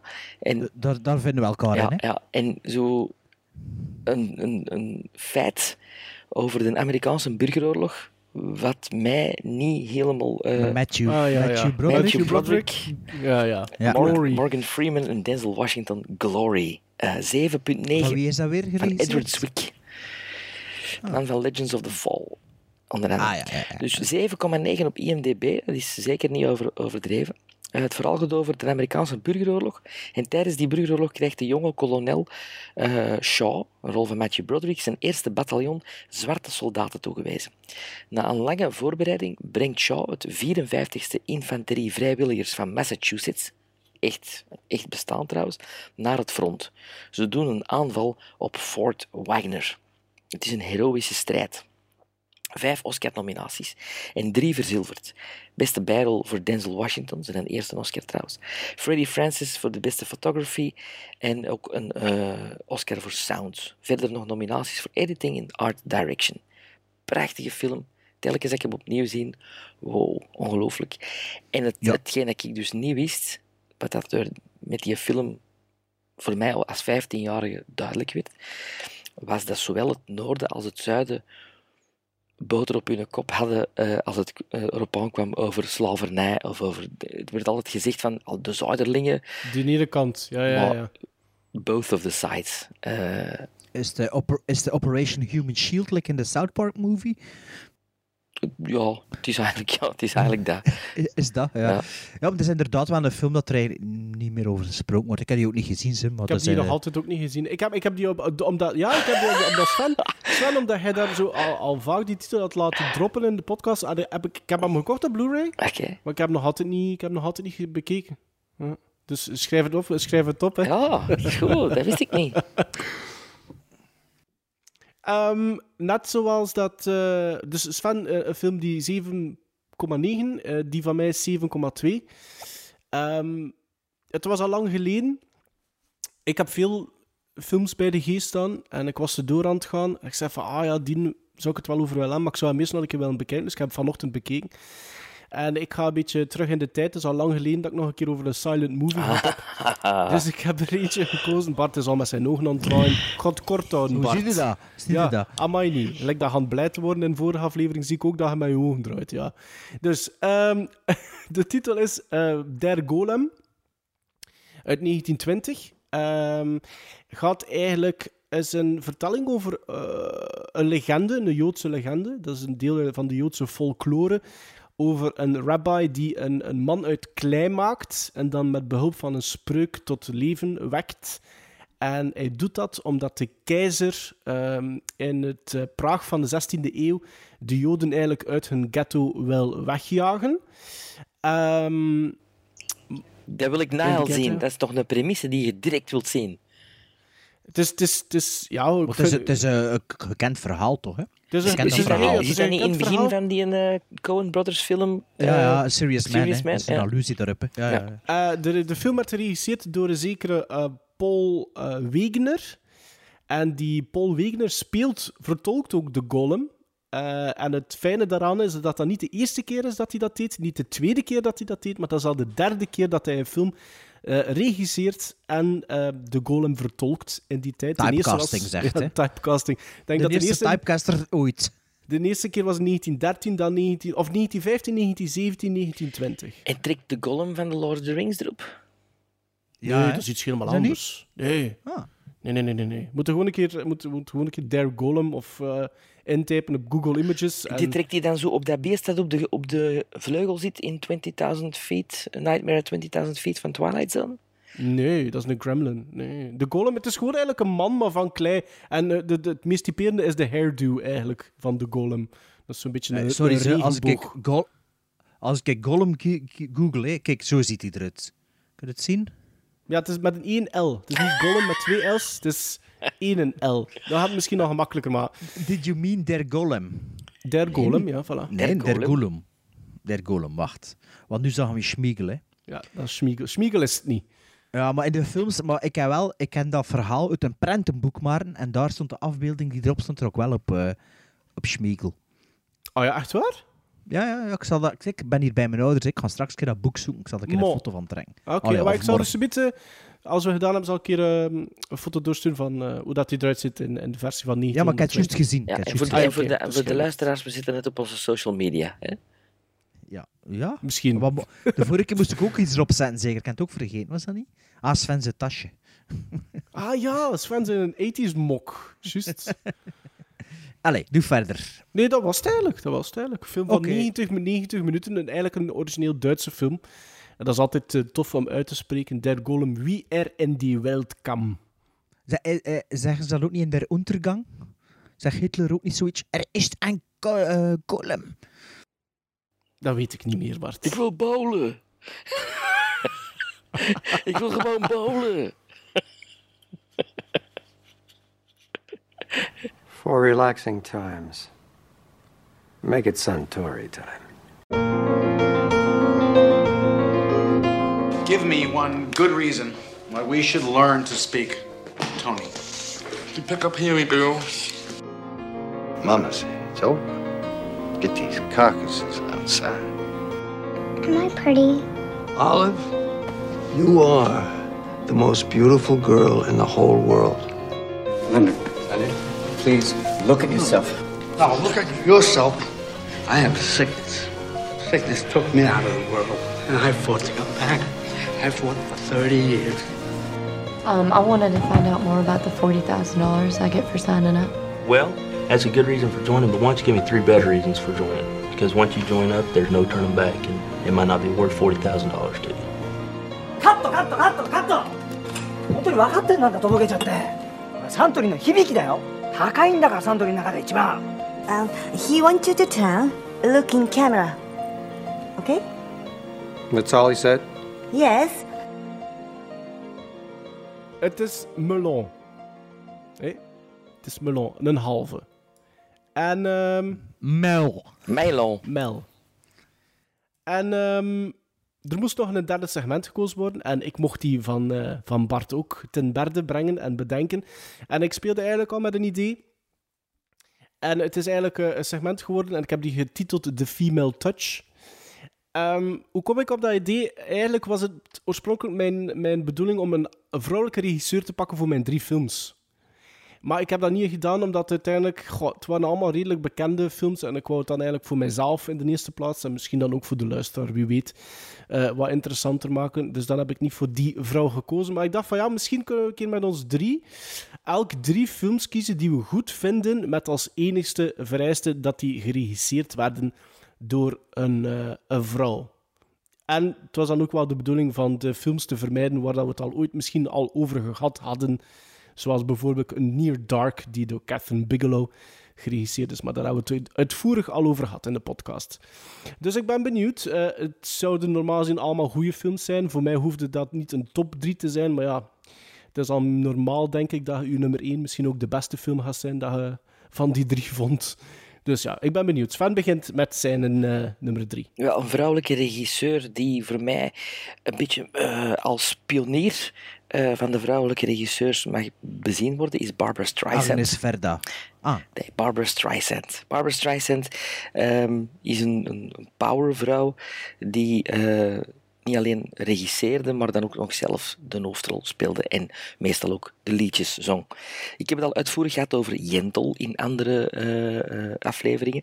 Dus dat is, Is waar. dat is zo een beetje een, ja, een raar... Allee, dat ik dat dan op drie zet, hè, daar hebben we het al eens over gehad. Dus ik wil een andere film van Barbara Streisand op drie zetten. Een film met heel veel Oscar-nominaties. Prince of Tides met Nick Nolte en eh, Barbara Streisand in de hoofdrol. Een, een romantisch drama. Ehm, dat, Wa- sorry, Prince and Tides? Pr- The Prince of Tides. Oké. Van Mel, Mel, van Mel Brooks. The Prince of Tides, de prins van de getijden. Dat is een bekend boek trouwens ook, Bart. en dat is verfilmd door Barbara Streisand. En dat hij heel veel Oscar-nominaties gehad. Terecht. Nick Nolte geeft er ook een prachtige prestatie in. En ook Barbara Streisand. Voilà. Beziet hem eens dat je hem nog niet gezien hebt. En over wat gaat het? Ja, dat is te lang, Maar zeg niet dat we hem nog niet gezien hebben. dat is te lang geleden. Het gaat over een man... Oké, die... maar als het te lang geleden is, Nee, dat is goed, Sven. Dat is goed. Dat is goed. Dat is te lang Nick, geleden. Nick Nolte heeft een, een jeugdtrauma dat hij moet verwerken en daardoor eh, botert het niet in zijn huidige relatie met zijn vrouw. Atelier Midnight Cowboy. Oh, Ja, Nee, mijn, mijn eh, nummer drie, of ja, mijn, mijn, eh, mijn nummer drie van de drie films die ik gekozen heb, om het zo te zeggen, is eigenlijk deel 1 van een trilogie. Het is een documentaire van 1981. Ik heb het dan over The Decline of Western Civilization van ehm, Penelope Fierce, die we kennen onder andere ook van haar eerste fictiefilm Suburbia. Maar die kennen jullie waarschijnlijk niet, maar dat is wel een, een klassieker in het punkmilieu, ik zal het zo zijn. Hollywood Vice Squad, The Beverly Hillbillies, Black Sheep met Chris Farley en David Spade. dat ken ik. De, Li- de Little Rascals film van begin de jaren 90. En natuurlijk ook van Wayne's World. Eh, maar dit hier, The Decline of Civilization, is eigenlijk een ehm, deels concertfilm, deels, deels behind the scenes en deels, ehm, ja, eh, moeten ze dat zeggen, fly on the wall. In de eh, Californische hardcore punk scene eh, eind jaren 70. Eh, de film is van 81, maar een van de, er worden drie bands per prominent gevolgd. Dat is namelijk X, Black Flag, waar Henry Rollins later bij zat, en The Germs. En The Germs is eigenlijk eh, de band waarbij dat Pat Smear, dat ook bij Nirvana gespeeld heeft later, en bij de Foo Fighters nog altijd, eigenlijk eh, mee begonnen is. De frontman van die band was eigenlijk al dood tegen dat die film uitkwam. Zelfmoord gepleegd op de dag dat John Lennon doodgeschoten is. Was dat 80 of 81? 80, denk ik. 5 december of zo was dat, denk ik. Eh, in elk geval, het is een enorm belangrijk document, omdat in die tijd werd niet alles gedocumenteerd. Laat staan dat gedocumenteerd werd met de videocamera's. Eh, dus de Decline of Western Civilization zie je eigenlijk ook dan dat superjonge gasten zijn die enorm aan de drugs zijn, die nihilistisch zijn. En ehm, ja, het is ook wel interessant om bepaalde figuren die later nog in de muziekwereld potten breken of belangrijk zijn. Eh, als teenagers te zien en eh, hoe ze zich gedragen. Het is, ehm, ja, het is natuurlijk een beetje niche, maar wel een interessant eh, iets om te zien als je er een beetje in geïnteresseerd zit. Waarschijnlijk staat die film ook integraal op YouTube. Er is ook van de drie films, want de tweede film was The Decline of Western, Western Civilization Part 2, The Metal Years. Over de, de glam metal, over Wasp, over Poison, over Motley Crue. Mm. over de LA-scene midden de jaren, ehm, midden de jaren 80. Die heb ik zelf nog niet gezien, maar waarschijnlijk is het ook wel ja, een perfect eh, weerspiegeling van de tijdsgeest toen. En de derde weet ik Maar niet precies waarover dat is toch geen punk, hè? Of denk ik nou... Nee, nee, Nee, maar dat was deel al twee- glam. Ah, dat was al glam. glam metal. Hè, ja. Dus, ehm, en deel 3 had ook, het is, die is in de jaren 90 gemaakt, maar dat weet ik niet juist waarover dat die gaat. De film is sowieso ook zo'n luxe Blu-ray uitgebracht een paar jaar geleden, dat ik eigenlijk nog een keer moet kopen. Maar mijn nummer 3, Penelope Spheris, Spheris noemt ze, van Wayne's World. eh, haar debuutfilm eigenlijk, The Decline of Western Civilization. Wat doet hij nu nog? Niet veel, hè? Ja, z- ja nee. Schrijven, dacht ik, als ik het goed gezien had.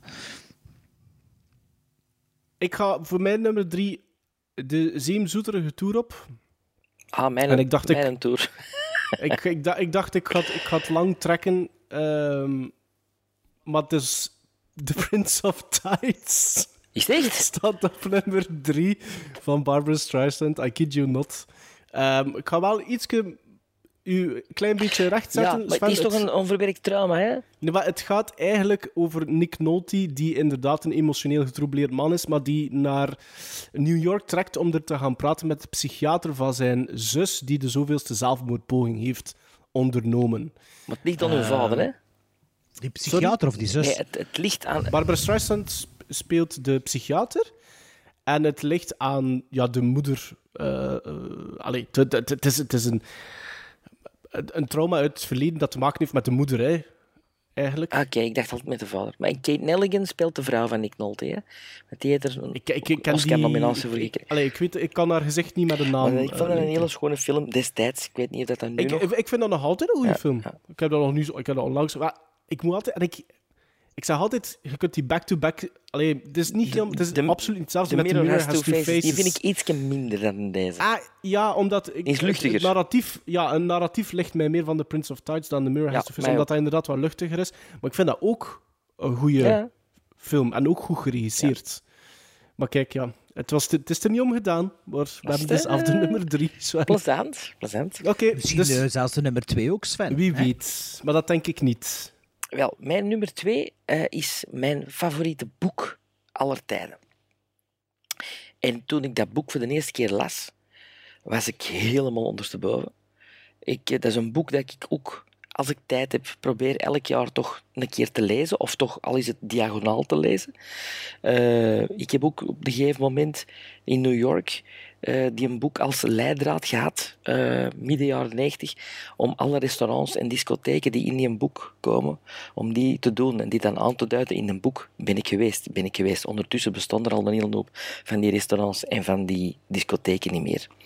Dus toen dat er sprake was over een verfilming van die boek, stond niet alleen heel Hollywood op zijn achterste poten, maar ik ook. Ik dacht van, oh, gaan ze dat verfilmen? En wat? Gaat een vrouw dat verfilmen? Huh? Dat was zeer raar, zeer rare keuze. En dat ze dat ook nog eens niet in New York gingen verfilmen, maar in Canada. Omdat in New York filmen met de, in de loop der tijd zeer duur is geworden. Met Midnight Cowboy ging dat nog allemaal. Ook een beetje eh rock and roll en, en, en zo. Met maar midden jaren 90 was dat eigenlijk zeer duur geworden. Maar blijkt dat Toronto, als je daar filmt, dat dat ook wel op New York trekt. En ik moet zeggen, dat is vrij goed gelukt, want in die film is dat absoluut niet te zien dat de film die zich helemaal moet afspelen in New York, zich niet gefilmd is in New York. En dan gingen ze voor de hoofdrol een gast casten die ik altijd goed maar dat ik dacht van, huh? dat is, ja, het laatste dat ik die heb zien doen was de musical. Gaat die de, rol spelen van die een boek van, enfin, ja, zwart. Dus na het bekijken van die film ben ik op al die dingen moeten terugkomen, want American Psycho is een fantastische verfilming van een boek van de Maar regisseuse... ik word even aan het had. Ja, ja, ja. Van de regisseuse Mary Harron. Eh, ik ben een heel grote fan van het boek, maar ik ben ook een grote fan van de film, omdat hem heel, heel, heel... Het is natuurlijk, die, die dikke turf van American Psycho kun je natuurlijk niet in een film van anderhalf uur verfilmen, maar toch, toch is ze erin geslaagd, vind ik, om een zeer goede eh, ja, samenvatting van het verhaal van American Psycho te verfilmen. Gezien? Ik, Ja? ik ja, ja, absoluut Ja. gezien. Maar ik Heb geef gelijk. Ik zou, ik gezien? zou- Nee. Is American Psycho 2 gezien? Nee. Ik ook niet, nu. Oh, ik vroeg me af. Maar je zou inderdaad nooit niet eh, denken dat dat niet in New York gefilmd is. Nee. Nee, maar ik moet wel zeggen, ik had er wel grotere verwachtingen van ze. Want omdat dat boek inderdaad in de midden jaren 90 was er zoveel fuzz rond. En, Dat is en ook er een, werd top, er dat is ook zoveel een topboek. Dat is echt een topboek. En er werd er zoveel mee gedweept. Hè. We kennen dat boek, hè, zeg maar ik heb nooit verder geraakt dan... wel, ik had de film al gezien, dus ja. American Psycho is 2000 zeker, hè? Ja, ja. Maar zo die, die scène dat ze met die, eh, met die naamkaartjes, met die visitekaartjes Ja, ja, elkaar... ja. eh, ja, dat is een supergoeie scène. Ja. Ja. maar ik, ik, ja, ik word toch een beetje teleurgesteld van eh En film dus de destijds. scène, de scène tussen Bale en, Ja. en Jared Leto natuurlijk. Ja, ja. Eh, Ah, wel, dat is toch met die... nee, is dat niet met die. Maar Ja, visitekaartjes? ook, ook, maar dat is niet de. Dat is Ah, niet ja. de. Dat is bij jullie de dat is hè? Ja, voilà. Ja. Ah ja, ja, ja, ja. Wel, mijn nummer twee is dus duidelijk niet American Psycho. Misschien Maar, eh, American Psycho 2. Ah ja, nee, ik had hem niet gezien. Dat is niet door een vrouw geregisseerd. Ik weet het zelfs niet. hè. Ik ook niet. Stond, al, stond alleszins niet in de lijstjes dat ik geraadplicht heb als research. Nee, mijn film heb ik volgens mij in 1992 gezien. Ik heb het verhaal misschien al eens verteld, maar ik ga het nog eens vertellen. Ik stond ehm, om eh, 20 voor 2 al aan te, aan te schuiven bij de videotheek die om 2 uur ging opengaan. Je weet het, hè, als je 12 jaar zit, niet veel te doen in tijden zonder iPads en eh, internet en zo. Dus ik stond eh, wel aan de etalage van de videotheek te kijken wat er allemaal binnen Zalige stond in de tijden, etalage. oh. En ze wou staan wachten, Ja. want ja, het was nog niet open, maar ja, dat geeft niks, zal ik maar wachten. En plots stopt er een auto voor de deur. Mijn gast die uitstapt, zegt hij, godverdomme, het is nog niet open, of wat? En ik zei, ja, nee, het, is, het was om twee uur open. Maar zo, die gast kijkt zo naar mij en zegt hij, "Goh, wilde hij hem niet binnensteken? Als de wilt mag er nog naartoe kijken, ze. En stikt hem dan binnen. En ik natuurlijk, want ja, ik mocht nooit drie films huren van mijn moeder. Het was altijd één film. Behalve als het groot feest was, was het 2 per 1 gratis. En ik zei, ah ja, oké. Dus dat was al één film voor de namiddag. En ik had nog geld gekregen voor een andere film te huren. Maar dus, dat waren twee films. Dus ik naar huis met die film. Dat zijn, dat zijn hoogdagen, hè. Dat worden hoogdagen. Zalig. Een film, een film dat ik niet kende. En dus ik dacht van, oeh, we gaan eerst naar die kijken, want die moet nog binnen vandaag. Hè. Dus dat ik die tegen zes uur kan binnenbrengen en die andere kan ik dan morgenochtend nog zien. Of, of als het een twee dagen film was, morgenavond, ik weet niet meer juist. En ik steek die film in en ja, ik was eigenlijk eh, redelijk van mijn sokken geblazen van die film. En ondertussen heb ik hem al een stuk of vier, vijf keer gezien. En ik vind het nog altijd een steengoeie film. Vorig jaar heb ik er nog een keer een maand strijk mee gedaan, terwijl ik er hem, eh, naartoe aan het kijken ben. Het is geen strijkfilm, maar dat hem al veel gezien hebt, kun je er rustig strijken ertussen. Is alles een strijkfilm? Ja, het is een film van 1991 van 122 minuten, dat in 2015 een overbodige remake gekregen hebt. Eh, het is met de, in de hoofdrol Keanu Reeves samen met Patrick Swayze. Oh, Gary ja. Busey speelt er ook in mee. John McGinley en Anthony Kiedis van de Red Hot Chili Peppers. Het gaat over ehm, een surfersbende in L.A. die... eh, als de ex-presidents bankovervallen doet en Keanu Reeves als jonge FBI-agent infiltreert in het eh, LA surfersmilieu om eh, te zien, om te ontdekken welke boevenbende de ex-presidents zijn. Ik heb het natuurlijk over Point Break van. Catherine Bigelow. Dat is Ehm, wel een fantastisch verhaal van hoe zag ik Point Break voor Ja. het eerst. ja, dat is echt ik fantastisch. Ja, ik, ik dacht dat ik dat al een keer vertelde, maar ja. En dat was ze van, nee, oh ja. nee. Ja, dat is de, ja. Dus als die gast een andere film mee had, had ik een andere film gezien, maar zo heb ik Point Break leren kennen op het moment dat hij bij de nieuwe topper stond in de videotheek. En Dat eh, ja, dat, dat blijft een goede film. Ik weet niet of Mhm. iemand die remake gezien heeft of de moeite gedaan heeft. Sven, je durft dat wel een keer nee. zo'n nee. remake checken. Dus ja, mijn nummer 2, Point Break. Mijn nummer 2 is een film uit eh, 2003 eh, van een regisseur wiens naam een beetje ja, bezoedeld is. Omwille van een bepaalde franchise waar dat zij een film van heeft geregisseerd. Eh, momenteel 20 IMDb-credits, dus nu niet dat hij ehm, heel actief is of veel eh, draait. En eh, de film die ik heb gekozen eh, op nummer 2 was eigenlijk eh, haar directorial debut. Ehm, ik denk dat Bart zeker affiniteiten heeft met haar volgende eh, film. Eh, ik ga het misschien niet zeggen, maar wie weet komt hij nog aan bod. De regisseuse is Catherine Hardwick. En ehm, op eh, mijn nummer 2 staat 13. Eh, met in de hoofdrollen onder andere Evan Rachel Wood, eh, Nikki Reed, Holly Hunter. En ik denk dat er een piepjonge Vanessa Hudgens ook in meedoet, als een van de vriendinnetjes. Het gaat eigenlijk over een meisje die op haar 13-jarige leeftijd ontspoort eh, door een, eh, een nieuwe vriendin eigenlijk. Het is een beetje het realisme Eh, het, is, het, houdt een beetje het midden tussen het, de, de rauwe werkelijkheid tussen aanhalingstekens van kids en wat Hollywood ermee zou doen. Dus het schippert daar hem wat tussen. Maar ik vond, toen ik 13 voor het eerst zag, vond ik dat ook nog altijd zo'n beetje datzelfde gevoel opwekken eh, als toen dat ik bij Kids had. Ehm, Holly Hunter speelt de moeder van eh, het meisje, Evan Rachel Wood, die ontspoort. En Evan Rachel Wood die is later het best gekend omdat hij eventjes het vriendinnetje is geweest van Marilyn Manson. Maar ook de dochter speelt van Mickey Rourke in The Wrestler van eh, Darren Aronofsky. Uh, Nikki Reed die heeft meegedaan, denk ik, in de Twilight franchise. En Catherine Hardwicke heeft de eerste film, als ik mij niet vergis, van de Twilight franchise geregisseerd. Ehm, maar de film dat, eh, dat ze daarna heeft gedaan, is een film waar dat Bart het al in de podcast over had heeft. En dat is Ja, die Lords of. Dogtown. Lords of Ah Dogtown. ja, dat is juist. Ja, ja, ja. ja. Die, Die, skater, eh, die skaterfilm. Eh, maar dus bij mij 13, omdat ik dat eigenlijk wel... Ja, dat bleef wel hangen, die film. Dus Ja, ik vond ik- dat eigenlijk ik- wel een sterk debuut. Ik heb dat gezien, maar ik sla dat altijd of dat, ver, dat vervaagt met, mijn, met eh, Ken Park. Omdat dat is echt ook kids. Ja, ja, absoluut. Ken Park en 13 volgens mij zijn in diezelfde periode uitgekomen. Dat zo, ik dat- denk Ken Park 2005 ongeveer. Is dat niet dezelfde periode van Fish Nee, Tank en zo? Dat, zo, dat soort films, hè? Uh, Fish Tank is toch wel iets uh, Britser. Ja, maar En wat dat thematiek, hè, bedoel ik. En wat dat... Ja, over, over, over seks, seks met, uh, bij, bij twa- 13-jarigen. hè.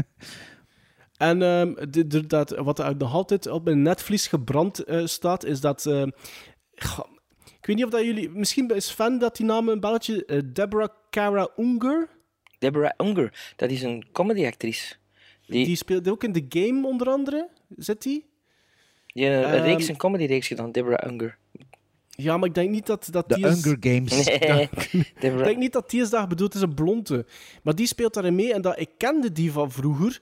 En die speelt daarin mee en, en die zag er zo lelijk uit door de, de, de shit dat hij met haar gezicht heeft laten doen. Het was ook maar een klein rolletje, maar oeh, die zag er echt eh, afgrijselijk lelijk uit. Dat was echt... eh, eh, als je botched, als je over botched jobs spreekt in de plastische chirurgie, ja, dan, dan eh, Ah, nee. komt er misschien bij haar uit. het is niet dat ik... Dus, eh, maar daarom, eh, niet alleen daarom, eh 13. Ik vind dat zo'n een, een drama in dezelfde trant van de films dat we opgenoemd hebben. En voor een dir- directorial debut vond dat wel eigenlijk ja, een binnenkomer. Dus daarom op nummer 2.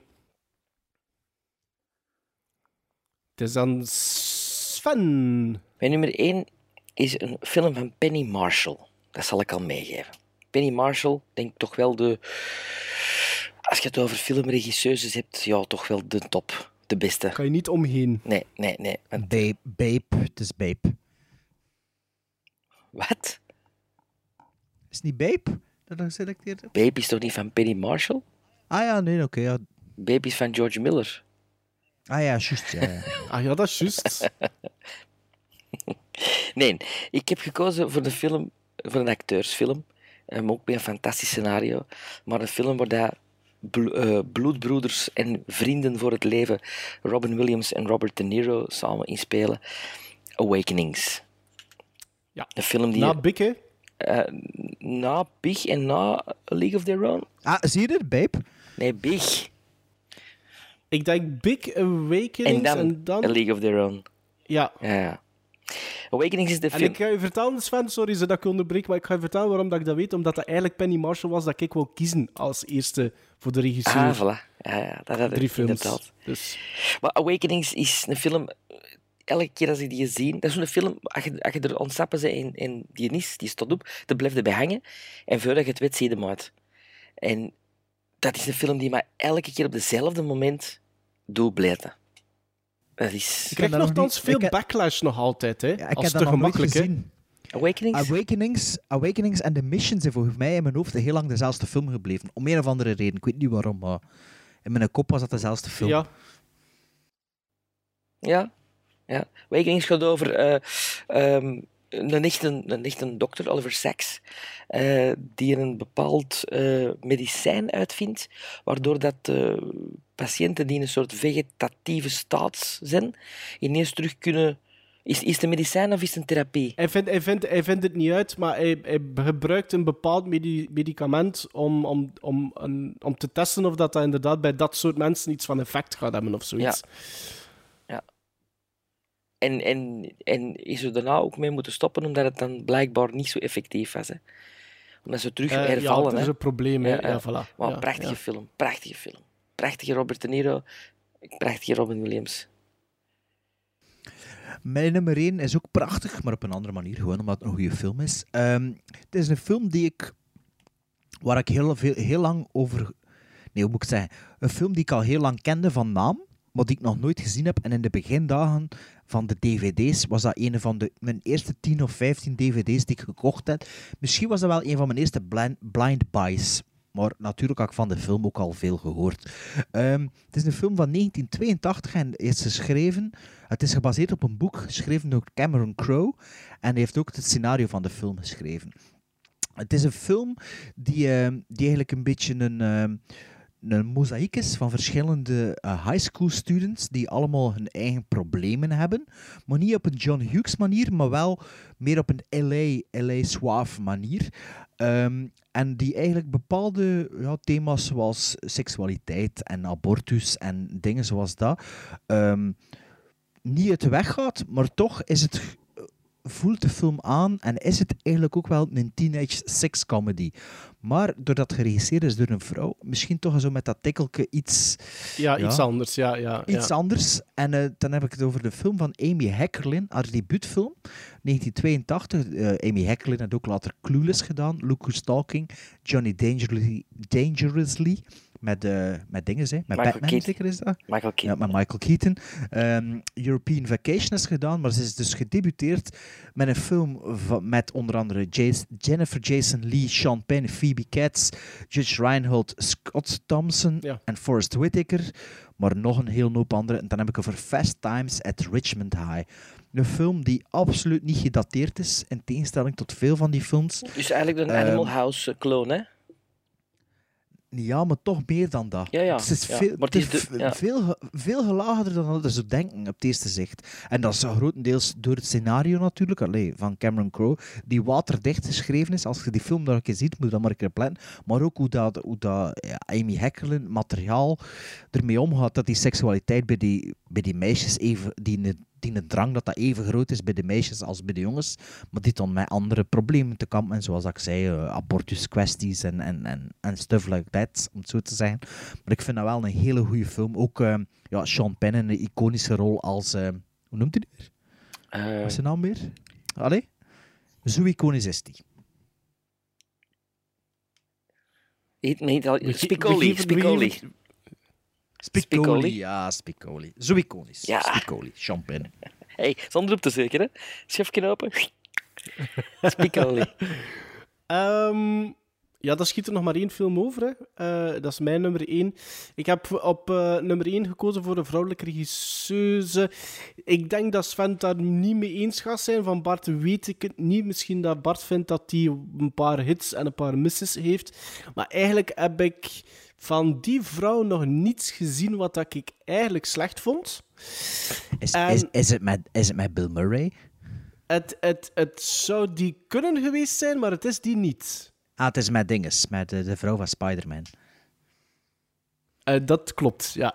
Dus Bart weet er- over wat ik het heb. Sven, die denk ik, weet het niet. Jawel, jawel, jawel. dit moment? Ik denk dat het... Jawel, jawel. Het is de, dochter, Het is, het is de eh, dochter van de Godfather, man. Ja, het is. Sofia Coppola. Hè. Het is Sofia Coppola. Ehm, Ja, ik ben al blij dus dat het niet, ik ben al blij dat het niet die met Bill Murray is. Maar dat vond ik wel een hele goede film, ook Lost in Ja. Translation. Maar ehm The Big Guild bijvoorbeeld vond ik ook heel goed, hè, wat als Sven dat veel minder vond. The Bling Ring vind ik eigenlijk ook wel een, een goede Maar je gaat er een beste kiezen. film. Je gaat er een beste kiezen. Ik voel het. Ik kies voor de, voor de film uit, uit 1999. Zijn de The Virgin Suicides. Topfilm. Ah, hoe, noemt ze, hoe noemt ze nu weer? Sofia Coppola. Sofia Coppola. Nee, die blonde. Kirsten de Dunst. Ja, Kristen Dunst. Ja. Ehm, ja, eh, ik, ik wil daar niet te veel over lossen, omdat dat ook weer zo'n film is. Ik heb dat liever. Allee, ik- het doet een beetje, de synopsis doet een beetje teniet, vind ik, van wat dat er allemaal te ontdekken valt in de film. En ook de manier waarop dat gedraaid is en de manier waarop dat gemonteerd is. Het gaat eigenlijk over vijf ehm, zussen die ehm, heel streng en eh, katholiek worden ehm, opgevoed. En dan zijn er een groep jongens die volledig in de ban geraken van die meisjes. Tijdens een zomer, denk ik. Dat denk niet op het een waar gebeurd verhaal ook? Ik denk dat dat, dat, dat, dat misschien wel gebaseerd is op een, op een waar gebeurd feit. Dat zou goed kunnen. Ehm, maar het, Sofia Coppola heeft, voor- heeft voor mij ook een bepaalde mm, vibe die ze in al haar films ehm, kan Juist. steekt. En Beetje de vrouwelijke Wes Anderson vibe, zo vind ik. Allee, het is ja, maar Wes iets toegankelijker. Dat weet ik niet precies. Alhoewel, Vind ik een ja, goede vergelijking eigenlijk. Niet. Ik Ja? vind dat een goede vergelijking. Ja, ja, ja, ja. ja. Gelijk Marie-Antoinette, ik vond dat ook niet zo Dat is slecht goed. met Kirsten Dunst. Maar Kirsten Dunst is een is ook actrice. wel... Dat is nog, de- nogthans ook verguisd, hè, eh, toen dat die juist Ja, ik uitkwam. vond dat heel Eh, goed. Eh, maar ik vond dat ook niet slecht. En, en, en, en The Virgin Suicide is ook een fantastische cast. Hè. James Woods, Kathleen Turner, de, de Kirsten Dunst, Josh Hartnett vroeger. Eh, ra- raar maar waar, eh, Michael Paré heeft ook een rolletje in The Virgin Suicide. Wie, wie is dat weer? Streets of Fire. Van The Streets of Fire. Danny DeVito Ah, ja, ja. doet er ook in mee. Ehm, ja, ik, ik vind dat... Als ik over The Virgin, The Virgin Suicides spreek, wil ik die altijd opnieuw zien. Dus voor mij was het dan ook redelijk evident dat die op nummer, op, op nummer 1 eh terecht kwam. En de eerste aanraking eigenlijk dat ik had met Sofia Coppola was de videoclip van eh, Playground Love van Air. Ik weet niet of dat jullie ooit die musicvideo gezien hebben, maar dat is, vond die zo goed. Ehm, zelfs daar komt haar talent ehm Alleen in uiting. Godfather 3 is dat zo ook, hè? Is dochter van, Een rolletje, hè? dochter Ja, van Michael. De dochter, hè? Van Corleone, hè? Ja. Van Michael. Ja. Dus ja, voilà, The Virgin Suicide is voor mij eh Alleen overduidelijk ze geen, nummer geen één. Penny Marshall. Maar omdat ik, omdat ik... Ik wou die vermijden. Ik wou het Ah, ook... Allee, ik zei het, dat was eigenlijk voor mij de hele insteek van dat Ja, segment, Penny Dan Marshall. ben ik toch blij dat ik ze erbij gesleurd. Ongs Penny. En, we toch, en toch twee keer Barbara Streisand. Ja, dat vind ik ook wel z- zijn er nog honorable mentions? Ja. of zo, of? Ja, mag ik ze even mijn honorable mentions geven? Ja, Ja, Jentel, Jentel stond erbij. Jen, Jentel stond erbij, daar kan ik niet, daar kan ik niet omheen. Ishtar van Elaine May staat er ook bij. Ja. Sorry, is er als je het over, over vrouwelijke filmregisseurs, Elaine May. Nee. Ja, Dan van Penny Marshall staat er ook nog bij Big and a League of Their Own.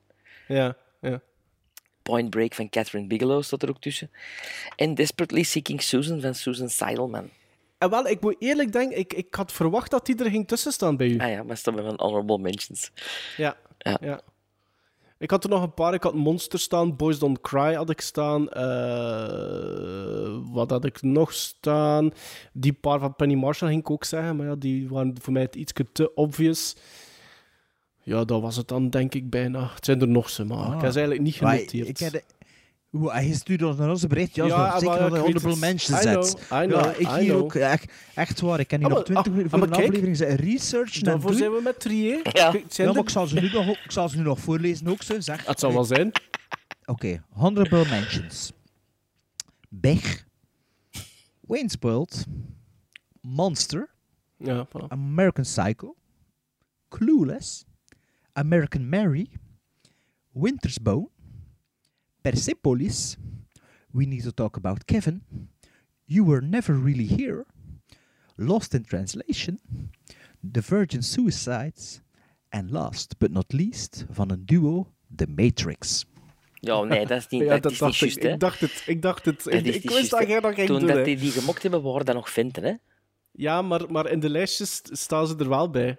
Ik heb ook een lijstje op eh, gegoogeld en ja, het staat ertussen. Staat ertussen. Dat is, belach dat is toch Ehm, belachelijk, hè? maar- Dat Dat dat ertussen staat. Die gasten waren nog vent, nee, op dat moment. Ik, vond, ik heb dat ook gezien als op IndieWire. Hè. Kom aan, dat is Ja, toch maar op ja, nummer 2. IndieWire, Dat is ja. toch denigrerend te- tegenover vrouwen? Die gasten waren nog venten toen dat ze dat gemaakt hebben. Als dat nu zo maken, zijn het vrouwen, oké. Maar, bedoel, dat is toch belachelijk? Dat is echt bullshit. Vo- Ja, het waren nooit... Ja. Ja. Zeg, maar Het nooit, die ah ja, bij- het waren bij- nooit, het nooit geen fan. Ja, Nee, oké, nee, ja. die, bij Honorable Mention zette je nu toch die, die You Were Never Really Here. Heb je die ondertussen al nog een keer bekeken? Mm, Nee, waarom? Maar omdat ik, ik, ik onthoud altijd dat je eigenlijk niet zo wild vaart van die film. en ik dat heb ook hem al gezegd nog dat dat altijd is ook omdat niet dat- bekeken. Maar nu staat hij bijvoorbeeld wel Ah, bij je honorable mentions. En je hebt in een andere aflevering er ook nog een keer over begonnen. Dat je precies zoiets had van ja, het was misschien door de, de, de, te veel de, de stortvloed aan films dat ik zag, dat hij daardoor misschien niet tot zijn recht is gekomen. Ah, wel Dus- ja, dat is nog altijd zo. Maar dus daarom dat hij bij de honorable mentions staat, voor die nog een keer aan te halen. Oh ja, voilà. Oké. oké. Voldoet het voor u? Voor Meneer mij zeker. Voor Ah, mij ik ben zeker. blij.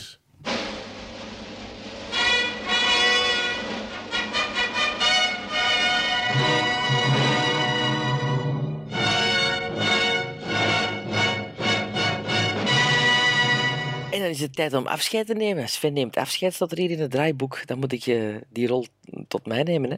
Ik eh, moet ook nog vermelden dat dus voor de volgende aflevering we gaan kijken naar drie films van John Landis. Namelijk An American... Mag ik ze zeggen? Oké, An American Werewolf in London, Ja, Trading Places en Into the Night. dat is correct. Correct. Ja. Dat was het, hè, mannen? En dan mag ik die aflevering ook een regisseur. Ah ja, dat is juist. Dat is juist. En ik moet me al een tip geven. Gelijk als ik heb gezegd, is ook een John. Oké, eh, het is, is geen John. Jo- eh, geen John. Nee, ik zal het anders zeggen. Ik heb er nog vijf, een shortlist van vijf. En het was eigenlijk nog een beetje af te wachten welke dat Sven kees, ko, kees, koos, En stond koosde. ondertussen die van mij? Nee, stond er niet tussen, maar voor een beetje het genre. Hè. Als je geen ook weer zo'n regisseur van het tijdperk van Ah, John ja, ja, ja. Schlesinger ging pakken, dan ik Nee, dan bij mij misschien is iets het anders doen. jaren Maar ik zit er- 80, hè. Ja, ik, ik ga misschien naar de jaren 90 gaan. Dat is wat ik, mijn, ehm, wat ik wel zin in heb. Maar Zaten er, zaten, er, zaten er tussen degene dat gehokte van- bij Sven, zaten er daar van die shortlist tussen? eh, misschien wel. Misschien wel.